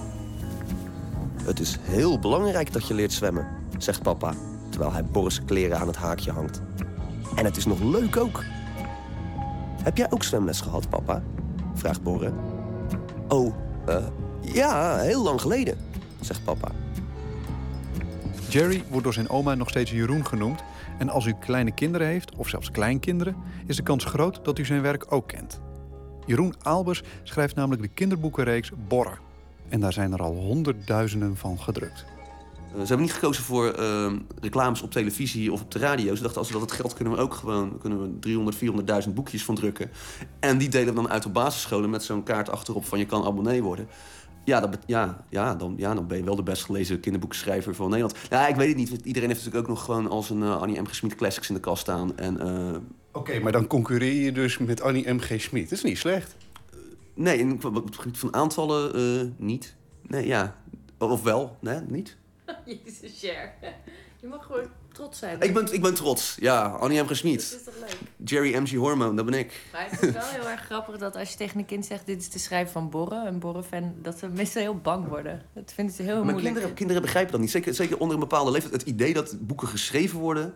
Ik ook heel vaak dan van kennissen. Oh, kijk. En je hebt dan een kind. Kijk, en die kennen mij dan. En, omdat zijn kennissen. Kennissen kennen je meestal. En dan... eh Elfie draait rolt nu met de ogen. Eh, en dan, kijk, dit is de schrijver van Boer. En die kinderen, weet je, wel, die kinderen hebben er niks aan. Ik heb er niks aan. Want die kinderen die snappen het niet. Ik sta er ook maar een beetje voor lul. Want ze zijn niet onder de indruk. Het, het gewenste effect wordt niet bereikt. Het is heel... eh, ja. Nee, ik kan het best in een borrenpak verschijnen, denk ik. Dan, dan snappen ze het. Als ik, als ik nou een groot borrenpak had, dan zou ik eigenlijk zou ik gewoon in een borrenpak zou ik, ja. Hebben jullie wel eens dingen gemaakt waar de ander zich helemaal niet in kon vinden? Ehm, ja, ik, ik, schrijf wel eens dingen die Elfie niet prettig vindt om te lezen. Ik, ik ben nogal, vooral voor volwassenen ben ik nogal van het, eh, het, het, schurende. Eh, en dat schurende, dat is niet altijd, ja, dat zegt het al, schurende, is niet altijd heel prettig. Eh, en het is ook af en toe, ehm, ik heb nogal seksistische en racistische hoofdpersonages, die je uiteraard niet met mij eh, eh, eh, kan, uh, idee, hoe noem je dat? Ik, ik zal ze niet met jou verwarren. Juist, inderdaad, dat is belangrijk. Eh, en dat, ja, dat is, soms is dat pijnlijk. En dan vindt Elfie dat zegt, nou, dit kan ik niet lezen hoor. Nee? Nee, als het van iemand anders zou zijn, dan zou ik het gewoon wegleggen. Soms. Omdat het dan... Omdat het, omdat het te geloofwaardig is? Nou, ja, waarom? Ja, dat moet je kijken per verhaal waarom ik het niet wil lezen. Maar ehm, ik vind het soms te grof. Ja. Nou, het is ook een beetje van, eh, eh, als je, eh, je hebt wel eens van die vrouwen die gaan het dan hebben over, ja, en met die ballen en castreren en zo, weet je. En dan voel je dat zo, voel je dat zo, ah, dan voel je dat, ah, dan doet het, dan doet het pijn. Ja, als, je ergens, als ik dan een halve verkrachtingsscène schrijf die echt niet heel prettig is, maar expres, want dat is dan, dat is dan schurend. Ja, dan snap ik dat Elfie dat dan ook denkt van, nou, dat wil ik nou even niet Amma zit in elkaar gezakt voor haar. Elfie wil haar aankijken, maar Amma's ogen draaien weg. Ze brabbelt en wieg. Grijze krullen plakken als schaamhaar op haar voorhoofd. Elfie denkt aan Lisa Sparks, de pornoactrice die, die met 919 mannen het wereldrecord van grootste gangbang zette. Samen met Kate zag ze eens een documentaire over Lisa op SBS 6. Ze kijkt om zich heen. De sportzaal biedt ruimte aan minstens duizend man. Een helper duwt Elfie's hoofd naar Amma's schouder. Amma ruikt muf, als een wasmand die een week in de hitte heeft staan broeien. En dan ziet ze het. Op het witte gewaad, daar waar de hoofden van Elfie's voorgangers tegenaan gedrukt zijn, zit een bruin-gele vetvlek. Zoals de gangbangers Lisa Sparks onderspoten, zo hebben de Amma volgens haar bestempeld met hun gorigheid. Leer je elkaar ook kennen door middel van jullie eigen werk? Is het ook dan dat je af en toe dingen leest van elkaar en dat denk je van, oh, nou, dat had ik nog niet van je, dat wist ik nog niet van je. Nou, iedereen die Jerry kent, die kent hem wel als een soort gezellige jongen. Maar eh, ik lees wel ook veel woede in zijn werk. En ehm, veel afkeer van bepaalde mensen. Dus ehm, dat uit hij niet, maar dat komt wel terug in die verhalen. Of tenminste, dat lees ik erin. Dus dat vind ik soms wel, eh, ja, verhelderend. Ja, dat vind ik ook. Nee, ja, nee, mijn verhalen zijn geen wraakexercities of zo. eh, want dat, eh, eh, dat moet je gewoon lekker in je dagboekje doen en voor jezelf houden. Nou, dan heb ik toevallig geen dagboek. Nee, maar het is, het, is wel, ik vind het wel interessante dingen waar, waar je eigenlijk, die niet zo gezellig zijn. Juist over dingen die niet zo gezellig zijn en die ik ook niet zo fijn vind aan mezelf. om juist die gedachten en die dingen die je meegemaakt hebt, om juist die te gebruiken. Heb je, heb je, lees je af en toe dingen van haar dat je denkt van, goh, dat, is, eh, dat wist ik nog niet van je. Of ik, ik, zie- ik zie je nu anders. Ja, ik vind het vooral jammer dat ik niet eh, vaker in de columns voorkom. Want ze schrijft iedere dan probeer ik iedere keer probeer ik iets uitzonderlijks en bijzonders te doen om maar in die column te komen. Maar dan gaat het weer over de Charlie Hebdo of weet je wel, dan het altijd wel iets belangrijker is dan ik. Oh nee, laatst had je erover geschreven omdat ik mijn rijbewijs maar niet eh, eh, kan halen. Ja, dat, dat, nou... Eigenlijk heb je gewoon liever dat er zo min mogelijk over je geschreven wordt. Dat is... heb ik iets over jou geleerd? Dat weet ik niet. Ja. Ja, ja, ja. Nou, wat, wat mezelf in ieder geval verrast sinds ik column schrijf voor de Metro, eh, is eh, dat ik eigenlijk eh, veel meer, ja, veel, toch wel, nou, burgerlijk niet, maar wel toch een, veel meer moraliteit heb dan ik zelf had verwacht. Ik vond mezelf redelijk wild en vrijgevochten. en ehm, toen ik dus werd gedwongen om over dingen, nou ja, mijn mening te formuleren, was ik best behoudend eh, op sommige onderwerpen. Dat vind ik toch best, eh, eh, ehm, ja, ik weet niet wat ik daarvan vind. Ja, het is nu eenmaal zo. Dus, ja. Nou, ik vind jou heel mild en verstandig en vergevend Ja. in je columns. En dat vind, ik, eh, dat vind ik zelf heel fijn. Want oh, al die mensen die zijn dan zo boos. En die vinden dan overal weer wat van. Ja, het is heel makkelijk om heel hard te gillen dat je ergens iets van vindt. Maar weet je wel, bekijk het eens van de andere kant. En toon eens liefde. en dat, dat doe jij. Jij hebt heel veel liefde, heb jij.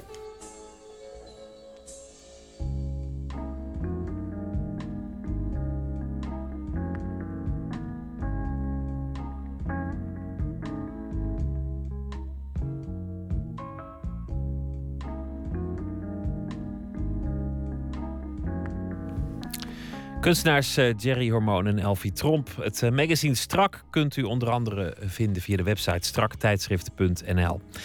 Dusty Springfield, het was eh, 1970 en toen eh coverde de Engelse Queen of White Soul het nummer dat ooit als instrumental was ontstaan en pas veel later een tekst kreeg. De titel van dat nummer was Spooky.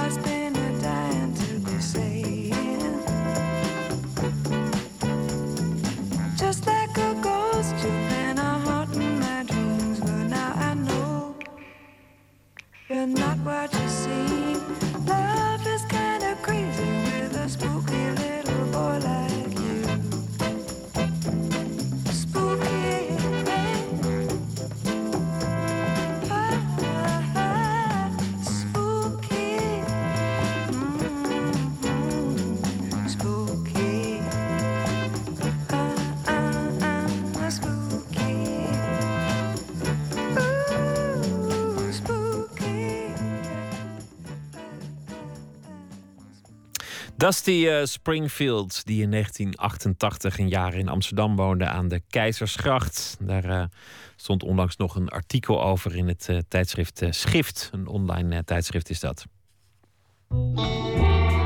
Nooit meer slapen.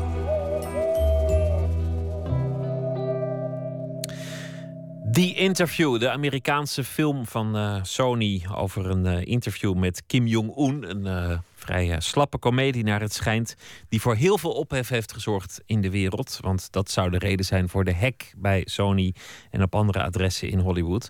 Vandaag eh, beleefde die in eh, drie steden in Nederland een sneak preview: Amsterdam, Den Haag en Utrecht. Officieel komt hij uit 29 januari, maar de filmclub Amongst Friends had alvast de primeur. Anton de Goede is onze nachtcorrespondent en die zat meteen in de zaal natuurlijk. Goedenacht, Anton. Pieter, ja, ik meteen, was erbij. meteen maar de hamvraag. Mag ik meteen met de deur in huis vallen? Want eh, het is natuurlijk duidelijk welke film het om gaat. Twee mannen die moeten eh, Kim Jong-un gaan interviewen... maar niet om hem te interviewen, maar om hem te doden. Nou ja, eh, dat vonden ze niet leuk in Noord-Korea. Dus hadden ze gedreigd met tegenacties. Een hack bij Sony. En er werd overal gezegd... ja, het is niet zo'n hele goede film. Jij zat in de zaal. Wat was het voor film? Was het een leuke film? Ik vond het eigenlijk helemaal geen leuke film. Eh, het is niet mijn type film. Ik, eh, er zitten veel poep, pies en seksgrappen in... waar je heel eh, vermoeid van wordt. Eh, maar ja, het is een soort comedy waar ik niet van hou... waar ik normaal niet naartoe zou gaan. Laten we even luisteren naar hoe het klinkt... dan weten we precies hoe laat het is. Okay, let's do it. We're going to North Korea!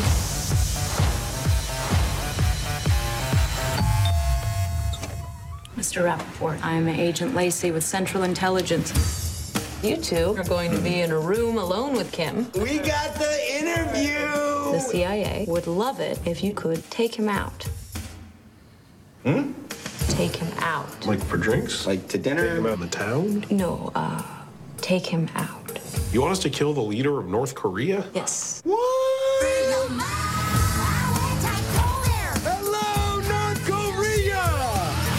Preceding the interview, you will shake Kim's hand with a fatal dose of poison. It is critical that you touch nothing. Maar goed, eh, het is niet zo'n goede film, zeg jij. Of dat het is niet jouw type film. Maar ja, de situatie was daar dat ehm, bijna een ander land gaat bepalen wat in het Westen wel niet in de bioscoop mag. En toen zei Barack Obama: ja, zover moet het niet komen. Die film die moet wel gewoon draaien. We moeten ons niet laten ringeloren. Toen werd Barack Obama gevraagd of die, eh, of die zelf ook zou gaan naar de film. Toen zei hij: Nou, ik ben blij dat hij draait. En dat was een diplomatiek antwoord. Dus we kunnen Ja, eigenlijk ja. zeggen: het is, een, eh, het is een kutfilm, maar het is onze kutfilm. Ja, nou, dat is natuurlijk eh, de spijker op de kop. Eh, vanavond in het Ketelhuis, daar in Amsterdam, had ik mee uitgenodigd Juliette Bakhuizen. Zij is vierdejaars Korea-studies in Leiden. Want ik was benieuwd naar wat iemand nou van deze film vond... die thuis is in Korea, dat land bestudeerd heeft. En ehm, ja, want je moet het natuurlijk ook met die ogen bekijken. Ze zei om te beginnen dit. Het valt wel binnen Seth Rogen's werk. Dat, is, dat is, komt wel heel erg duidelijk naar voren. En ik denk niet dat het doel van de film ook is geweest... om het Koreaanse regime om te gooien of iets dergelijks. En ik weet ook niet hoe sterk de invloed daarvan zal zijn... als Noord-Koreaanse burgers dit daadwerkelijk zouden zien. Er zijn geen ondertitels, dat maakt het al heel erg lastig voor ze. En ehm, ik weet niet of dit soort humor inderdaad zou aanslaan bij de Koreanen. Het zou wel kunnen helpen met het eh, minder goddelijk maken van de leider. Juist. Ja, want daar gaat het natuurlijk om die leider die daar eh, als een soort eh, god op zijn troon zit. Eh, en een, een, een, een despoot is. En vreedheden op zijn naam heeft. Die vergeleken worden door mensen die het kunnen weten. eh, met Hitler-Duitsland. Kampen, eh, kinderen die vermoord moeten worden door hun ouders. De meest gruwelijke dingen. Dat is ook iets wat, wat als ik daarnaar zit te kijken, denk ik, ja, daar ga je geen grappen over maken. Aan de andere kant, wat Juliette Bakhuizen zegt, is natuurlijk helemaal waar. Elke, eh, elke aandacht die je daarvoor kan trekken... en dat kan dan misschien in een comedyfilm zijn... is natuurlijk goed. Wat ik ook nog moet zeggen, wat eigenlijk goed aan de film is... is dat het natuurlijk de spot drijft met die, eh, met die, die Kim, die Kim Jong-un... maar het drijft ook de spot met de Amerikaanse samenleving ook de spot met de Amerikaanse media, met de talkshowwereld. En dat is wel weer heel erg mooi om te zien. En dan realiseer je, in Amerika kan je wel zeggen wat je op je lever hebt. En kan je iedereen bespotten.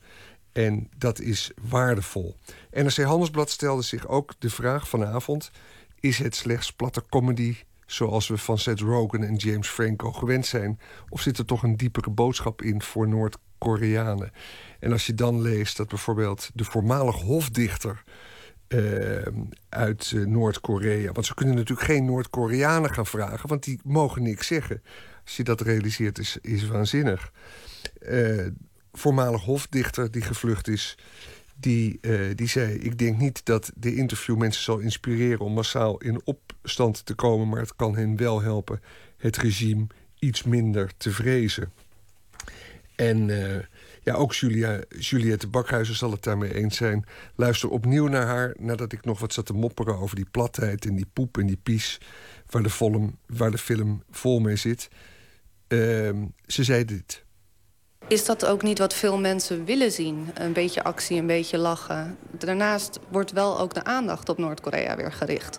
Dus er wordt wel beter gekeken naar van... oh ja, Noord-Korea bestaat nog. Oh ja, mensenrechten worden geschaad oh ja, er zijn erge dingen daar aan de hand. En misschien dat mensen toch nog beter gaan kijken naar wat er moet gebeuren om dat te kunnen veranderen.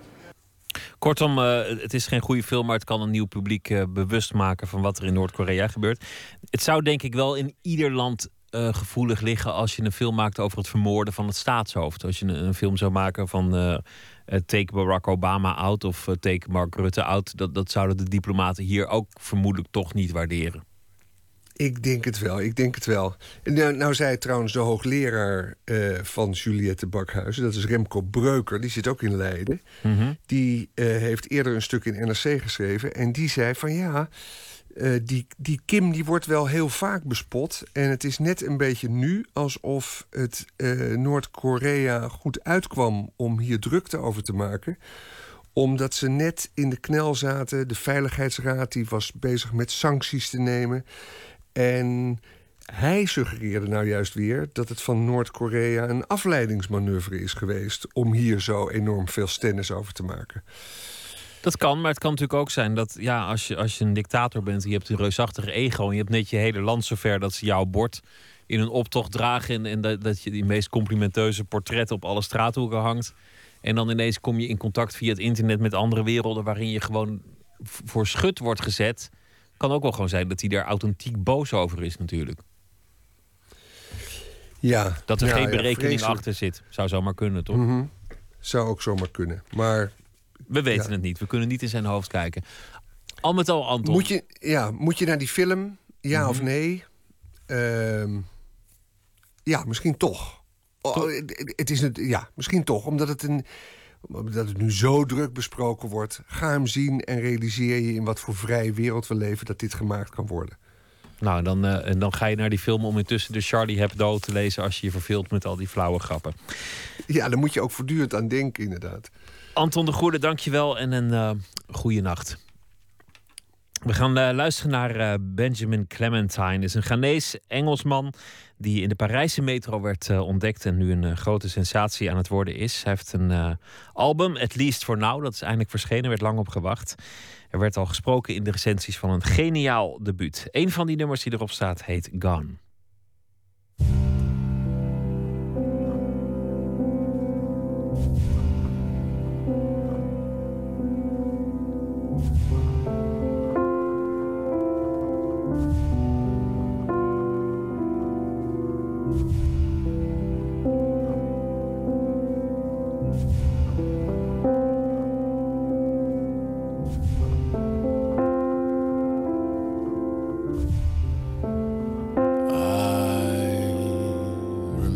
Walking down the A406, holding bags of mother sent cornflakes.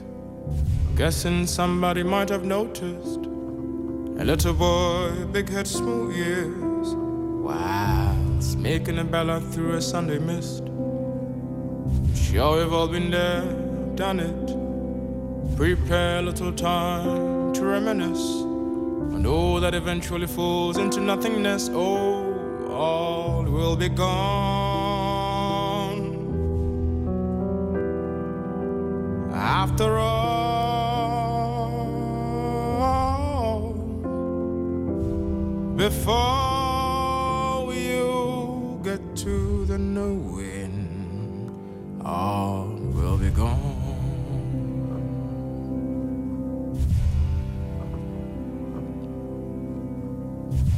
to a life seemed promising at first.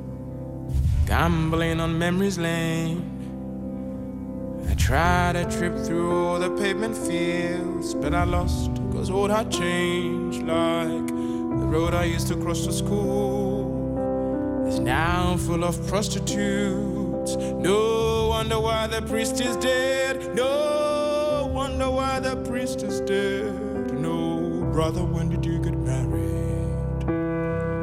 Neighbors, where did you vanish to? If it's to a wonderland, well, it's not known to my kind. Mankind, all will be gone.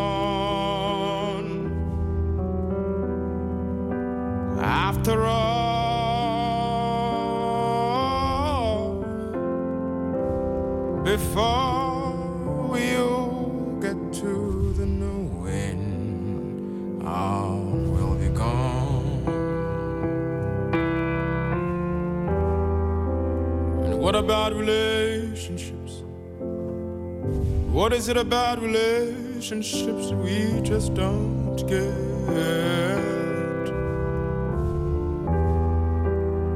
Here we are, always thinking we've learned. Only to get smacked and realize we are but mere students of life. And it feels like we've been fighting a lost battle. To have always realized at the end of it all, it feels like we've been brought to a real banquet just to be served the brew on a wretched floor. But I see, I say, it doesn't matter anymore. It doesn't matter. All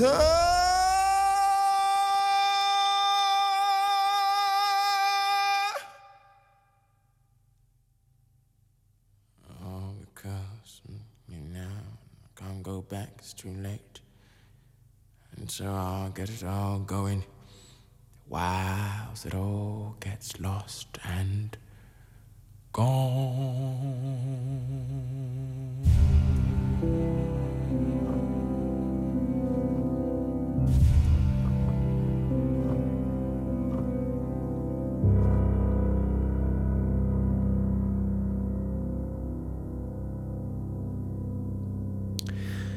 Benjamin Clementine met zijn eh, succesvolle debuut en het eh, nummer daarvan eh, Gone. En dan te bedenken dat hij in de Parijse metro stond, is toch weer wat anders dan uh, Bessame Mucho met een soundmix-apparaat op wieltjes. Nooit meer slapen. Mocht u straks gaan slapen, of misschien slaapt u inmiddels al een klein beetje, dan is de kans heel groot dat u droomt. Het schijnt dat je elke nacht droomt en dat je het niet altijd kunt herinneren. Wat speelt er zich toch allemaal af in dat hoofd terwijl je slaapt? Paul Kleeman is tekenaar en een geoefende dromer. Hij weet altijd zijn dromen vast te houden en de volgende ochtend maakt hij er altijd een tekening van. En dat doet hij al 25 jaar lang. Verslaggever Gijsbert van der Wal ging bij hem op bezoek.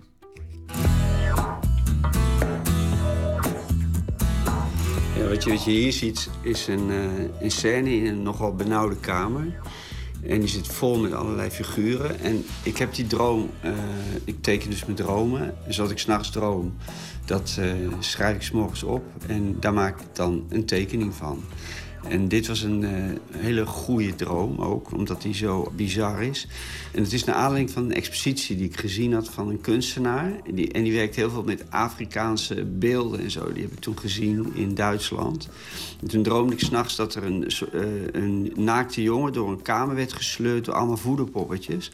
En die voederpoppetjes die trokken bij die jongen, die was bewusteloos, zijn verstandskiezer eruit, waarmee het op een gegeven moment een vogel mee aan de haal ging. En het meest idiote van de tekening is eigenlijk dat eh, die jongen met zijn piemel vastzit aan de slurf. Of ja, waar de slurf begint of de piemel begint, dat is dan de vraag. Die zitten aan elkaar vast en die olifant die sleurt die jongen dus als het ware aan zijn piemel door die kamer heen. Ja, want er loopt dus ook nog een soort roze olifant op twee eh, achterste poten do- Ja. door die kamer. Ja, en op de bank zaten allemaal vogels te kijken naar wat er allemaal gebeurde. En ja, ik kan een paar dingen associëren. Die, die, want ja, je gaat toch kijken van wat zou de herkomst zijn. Nou ja, dat is die expositie van die jongen. En die maakt echt ja, heel goed werk, maar het is altijd knettergek. En dan heb je die scheerkwast die aan, aan de muur hangt. Die is van mijn vader, want die had vroeger scheerkwast. Dus dat zal ermee te maken. En de bankstel is ook van mijn ouders. En uit, uit het bankstel kwam op een gegeven moment Dom Torentje eh, van Utrecht. Want ik, ik woonde in Utrecht. Dus dat, dat is de link. Maar ja, goed, verder... eh, Maar een, een tamelijk bezopen, overvolle, rare, kleurrijke, wilde eh, voorstelling van Ja. dus vogels die in een. eh, er zit een stel vogels op zijn bank en er loopt een, inderdaad een vogel rond met een stel verstandskiezen die net door de voedelpoppetjes, een soort kleine aapjes, uit de mond van die jongen, die naakte jongen zijn getrokken. En dan zit die jongen ook nog met zijn piemel vast aan een slurf van een olifant. Ja. Het is, ik vind het bijna een beetje... Vroeger had ik een kinderboek van Gullivers Reizen. Van zo'n, zo, dat die, al die kleine poppetjes met zo'n zo'n lichaam aan de haal gaan.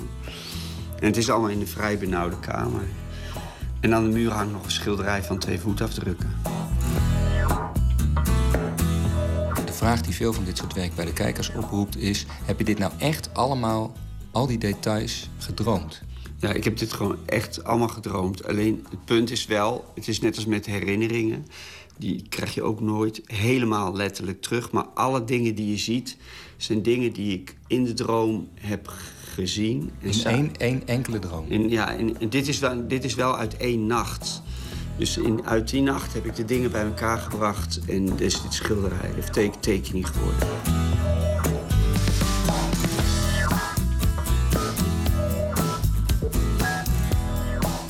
Doordat je werk maakt van je dromen... zul je er ook onderhand wel goed in getraind zijn... om die dromen ook echt te onthouden. Tot de, dus om al die details op de een of andere manier vast te houden in je hoofd. Ja, ik, ik heb er verschillende theorieën over. Want ik merk gewoon, op het moment dat je... Het klinkt heel raar. De laatste theorie die ik nu naar boven heb gekregen... is dat het volgens mij heel veel te maken heeft met zuurstof. Dus als je s'morgens wakker wordt en je, je haalt heel diep adem... zijn je dromen pleiten. En als je Dus wie zijn droom wil onthouden... moet vooral, als hij wakker wordt, niet te diep ademhouden. Die moet zichzelf een beetje zijn adem inhouden... terwijl hij zijn droom probeert te herinneren. Ja, ik, volgens mij moet je... Met, met zuurstof verjaag je het uit je kop, zeg maar. En als je dus eh, wakker wordt en je probeert je ademhaling dus in te houden... en je probeert eigenlijk zo bewusteloos mogelijk blijven liggen... dan heb je ze. Niet ademhalen en eh, je kan beter bijna stikken. En, en dan hou je het binnen in je kop, want het, het waait echt zo hop weg. En dan krijg je, je bent ze kwijt, je krijgt ze niet meer terug. En zolang je eigenlijk in die, in, die, in die komen blijft liggen... met een lage ademhaling, dan blijf je in die wereld hangen. Wat volgens mij ook goed werkt als je een droom wil onthouden... is hem repeteren. Dus wat je ervan onthouden hebt op het moment dat je wakker bent... voor jezelf benoemen. Of in jouw nee, geval ik, ik, ik, ik, ik schrijf dus allemaal woorden op, Ja. midden in de nacht ook. In het donker ben ik goed, ben ik behoorlijk goed in geworden. En dan... eh, kijk, Blind schrijven. Ja, zo. Ja. Hier heb ik er eentje liggen. En dan kun je dat wel de volgende dag nog lezen. Ja, hier staat bijvoorbeeld onderbroek en... eh, Dat is gewoon een boodschappenlijstje. Nee, nee, nee, nee. Braken van En- zes li- Ja, en, lesbiennes. en een boot op, op laag water. En ik morst tomatensoep. Oh ja, en die lesbiennes die maakten allemaal zeebakjes schoon... wat ik behoorlijk smerig vond. En daar werd de soep mee opgediend. Dat vond ik ook behoorlijk onsmakelijk. Maar dit soort kleine aantekeningen zijn voor jou dan al genoeg om het je weer te Ja, dat is gelijk voor mij zoiets. Ik zie gelijk zo'n eh, zo'n boot die steeds lager in het water komt zitten. Op een gegeven moment stond het water aan de ramen.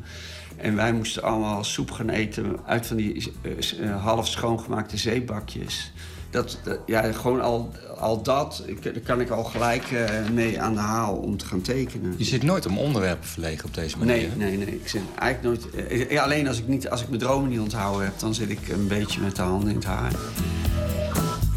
En, ik, en wat ik wel mooi vind, het is altijd gelieerd aan wat er, is, wat er speelt op een of andere manier. Dus wat, wat er eigenlijk in, in, in, in mijn dagelijks leven op me afkomt, dat vertaalt zich toch op een hele gekke, ja, voor mij realistische manier terug in de dromen. Ja, en er zijn wel terugkerende dingen. Naakt en erotiek zit er vaak in. Ja, maar zoals bij iedereen, denk ik. Ik hoop dat iedereen er last van heeft. Ja. Eh, maar in jouw geval ook vaak kunst. Kunstwerken Ja, en kunst, kunstenaars kunst, spelen een grote rol in en, je... eh, en, en ja, ik heb heel lang ook eh, bepaalde religieuze thema's gehad. Maar dat is nu veel minder. En, en politiek ook wel. Dus kwamen toch ook in, in je oude tekeningen vaak politici, mensen uit het nieuws. Waar- dan- Dat heeft er dus mee te maken dat je veel kranten leest en het journaal kijkt en zo. Ja, maar ik probeer dat wel min, te, probeer dat te minderen. Want, Heb je al over de moorden op de tekenaars in Parijs gedroomd? eh, nee, nog niet. Dus, eh, nou, een kwestie van tijd. Ja, dat komt nog. Dat gaat wel gebeuren, ja. ja, ja. Heb je dat in de hand ook? Dat je denkt van... Daar, Nee, want dat daar- kan ook over een half jaar gebeuren, zoiets.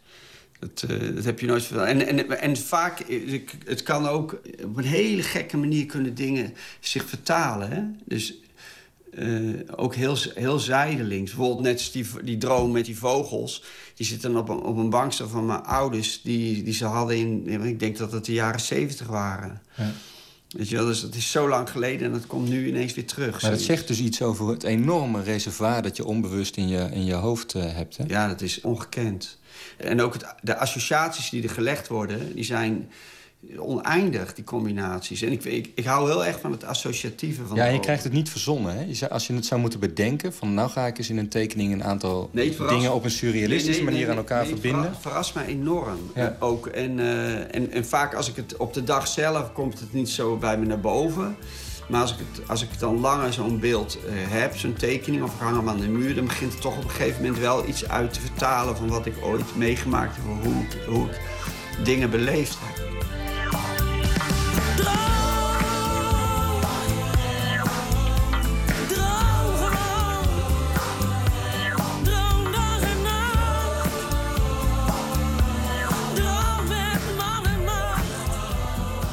Vorige week zaterdag stond er een interview met jou in De Trouw, het dagblad. En aan het eind van het interview zeg je iets intrigerends, vond ik. Namelijk, door mijn dromen ben ik vaak bezig met het leven na de dood. Kun je dat eens toelichten? Eh, nou ja, het was meer eh, eh, doordat die uh, interviewster vroeg aan mij... van ben je ook bezig met het leven na de dood? Ja, ik, ik wel. Ik, ik, ik zei van ja, als je slaapt... dan lig je min of meer ontzield in je bed. En het idioot is natuurlijk dat je dan... terwijl je ontzield in je bed ligt... functioneren eigenlijk op een, bepaalde manier al die zintuigen. Dus ik zie dingen, ik hoor geluid... ik kan praten, ik kan reageren... En toen dacht ik van ja, en waarom, waarom zou... eh, Dus zo onwaarschijnlijk is het niet dat hetzelfde gebeurt als je dood bent. Want slapen is een soort bijna doodervaring. Ja, vind ik wel. Eigenlijk wel. Eigenlijk lig je toch voor lijk als je in een bed ligt. Ik vind het niet onwaarschijnlijk dat er, dat er iets gaat gebeuren als je dood bent. Het, het, het leven is zo complex. Waarom zou het dan uh, niet doorgaan in iets of op een bepaalde manier. Ik, ik hoef daar niet. Uh, ik, zie, ik zie het wel als het zover is. Mm. Ik hoef daar geen uitsluitsel over te geven. Maar ik heb er meer vertrouwen in dat er, dat, dat er iets doorgaat. Ja. als dat er niets is. Maar eigenlijk dus niet, misschien niet leven na de dood, maar meer een droom na de dood. Ja, misschien gaan, gaan alle, alle geesten van de mens wel op in één klont weer. En dan worden er weer stukjes uitgehaald, weet ik veel. Ah, wat heb je dan een hoop te tekenen? Oh nee, dan teken je niet meer. Weet ik. Nou, dan teken je misschien nog in je droom. Ja, of ik word pijlsnel teruggestuurd als... Uh, Verslaggever. Als cartoonist.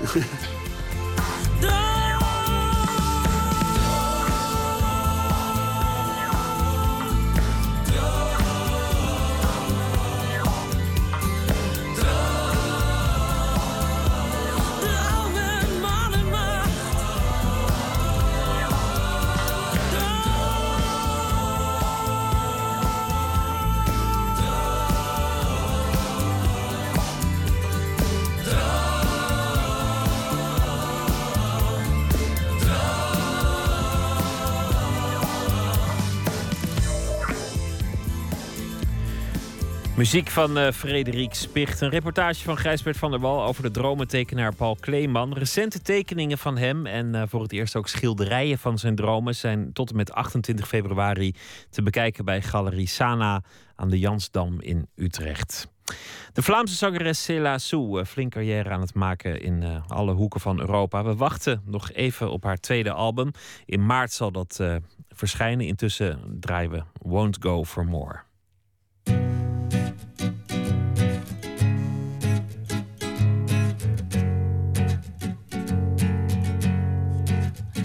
I call for you, will it feed the flame when it already breaks us in two? Cause I want a glance of how the story ends, but I already know the truth. Oh, what would I have to gain if I had every piece of you? But I'm relieved it's yours.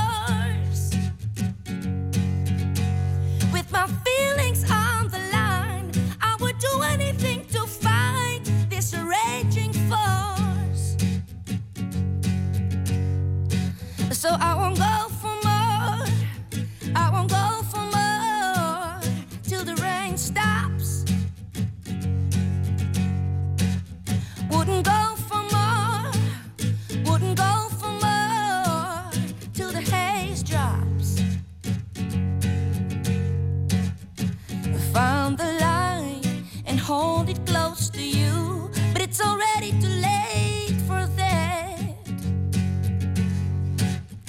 could sing the notes, hopeless as they sound. They're encouraging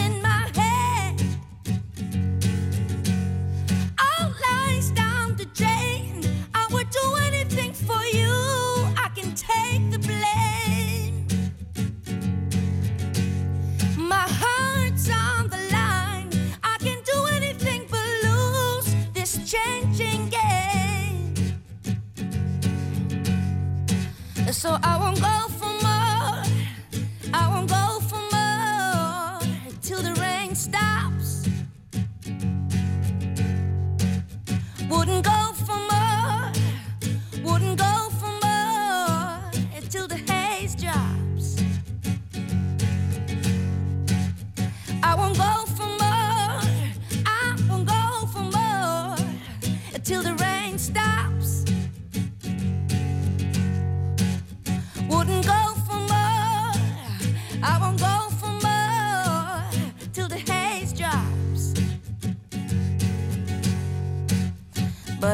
sing for you. Yes, I'll sing for you. What is in my heart, let it ring through you. I will sing for you. I will sing for you. What is in my heart, let it ring through you. I will sing for you. I will sing for you. I will sing for you. I will sing for you. De Vlaamse zangeres Cela Sue met het nummer Won't Go For More. Ellen Dekwits die zal deze week uh, elke uitzending uh, aan het eind een gedicht voordragen van een andere dichter dat zij uh, mooi vindt en van iemand die zij bewondert. Deze week verschijnt haar eigen nieuwe bundel, De Blanke Gave, dinsdag. En voor haar debuut, De Steen Vreest Mij, won ze in 2011 de Buddingprijs. Vandaag leest Ellen Dekwits het gedicht Likkend aan een zoutkristal van C.O. Jellema.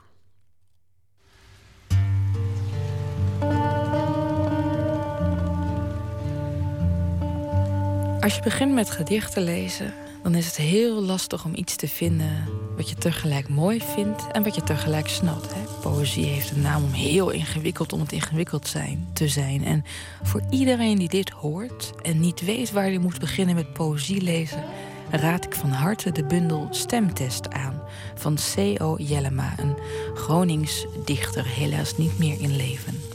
En dit gedicht, Likkend aan een zoutkristal, zit echt in mijn top 3 van beste versen van de afgelopen 10.000 jaar.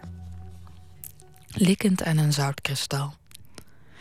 Millennia doorboord, uit diepte van 3000 meter opgedolven, dit stukje zoutkristal, waar onze tong en lippen de nooit bedoelde smaak van proeven, onbestraft, gevonden in het afval van een boorkern. Wat tijd verhardde tot bestendigheid. Het was eens golf, een eb en vloed, eens baren, woest en ledig. Wordt vochtig in de warmte van een hand, smelt daarin sneller weg, vermengt zich met ons speeksel. Dit merg van aardes voortbestaan, dat wij nu delen, transsubstantiërend waar wij straks tot op het been vergaan. Likkend aan een zoutkristal van C.O. Jellema, voorgedragen door Ellen Dekwits, die morgen weer een eh, gedicht zal kiezen om eh, de uitzending mee eh, af te sluiten. Morgen zit hier eh, de Vlaamse schrijver Yves Petrie. Hij heeft eh, vijf romans gepubliceerd. De laatste, De Maagd Marino, kreeg de Libris Literatuurprijs in 2011. Hij heeft een nieuw boek uit, Liefde bewijzen van spreken. En dat gaat over een bestseller-auteur die inmiddels flink op zijn retour is. En die aan het begin van het boek al belooft dat het moeilijk zal uit te leggen zijn hoe die in een driehoeksverhouding eh, terecht is gekomen. En hoe het allemaal mis is gegaan met een ongeluk. Een een boek met veel gebeurtenissen. En Yves Petrie is morgen te gast. Een klein portret van eh, een van de genomineerden voor de VSB Poëzieprijs. Sascha Jansen krijgt u ook morgen. De tv-serie Hollandse Meesters. Met eh, portretten van de belangrijkste hedendaagse kunstenaars van Nederland. Gefilmd door eh, vooraanstaande regisseurs en filmmakers. We spreken met degene die het allemaal bedacht heeft, fotograaf Michiel van Nieuwkerk. Afgelopen zaterdag ging in AI Amsterdam de vierde serie Hollandse Meesters in première. En aandacht voor de in Nigeria geboren Ikena Asuike, die sinds eh, 2011 het satirisch videoblog What's Up Africa maakt. En sindsdien is eh, hij ook te zien in het eh, BBC World News programma Focus on Africa. Satire in een nieuwsprogramma, dat is eh, vrij schaars. En een verhaal van eh, Philip Huff bij eh, de dag die dan eh, voorbij is. En die nu eh, zo'n beetje wel gaat eh, beginnen. Ik wens u een hele goede nacht straks op deze zender de EO. Twitter, het VPRO NMS of via de mail nooit meer slapen, VPRO.nl. Een hele goede nacht.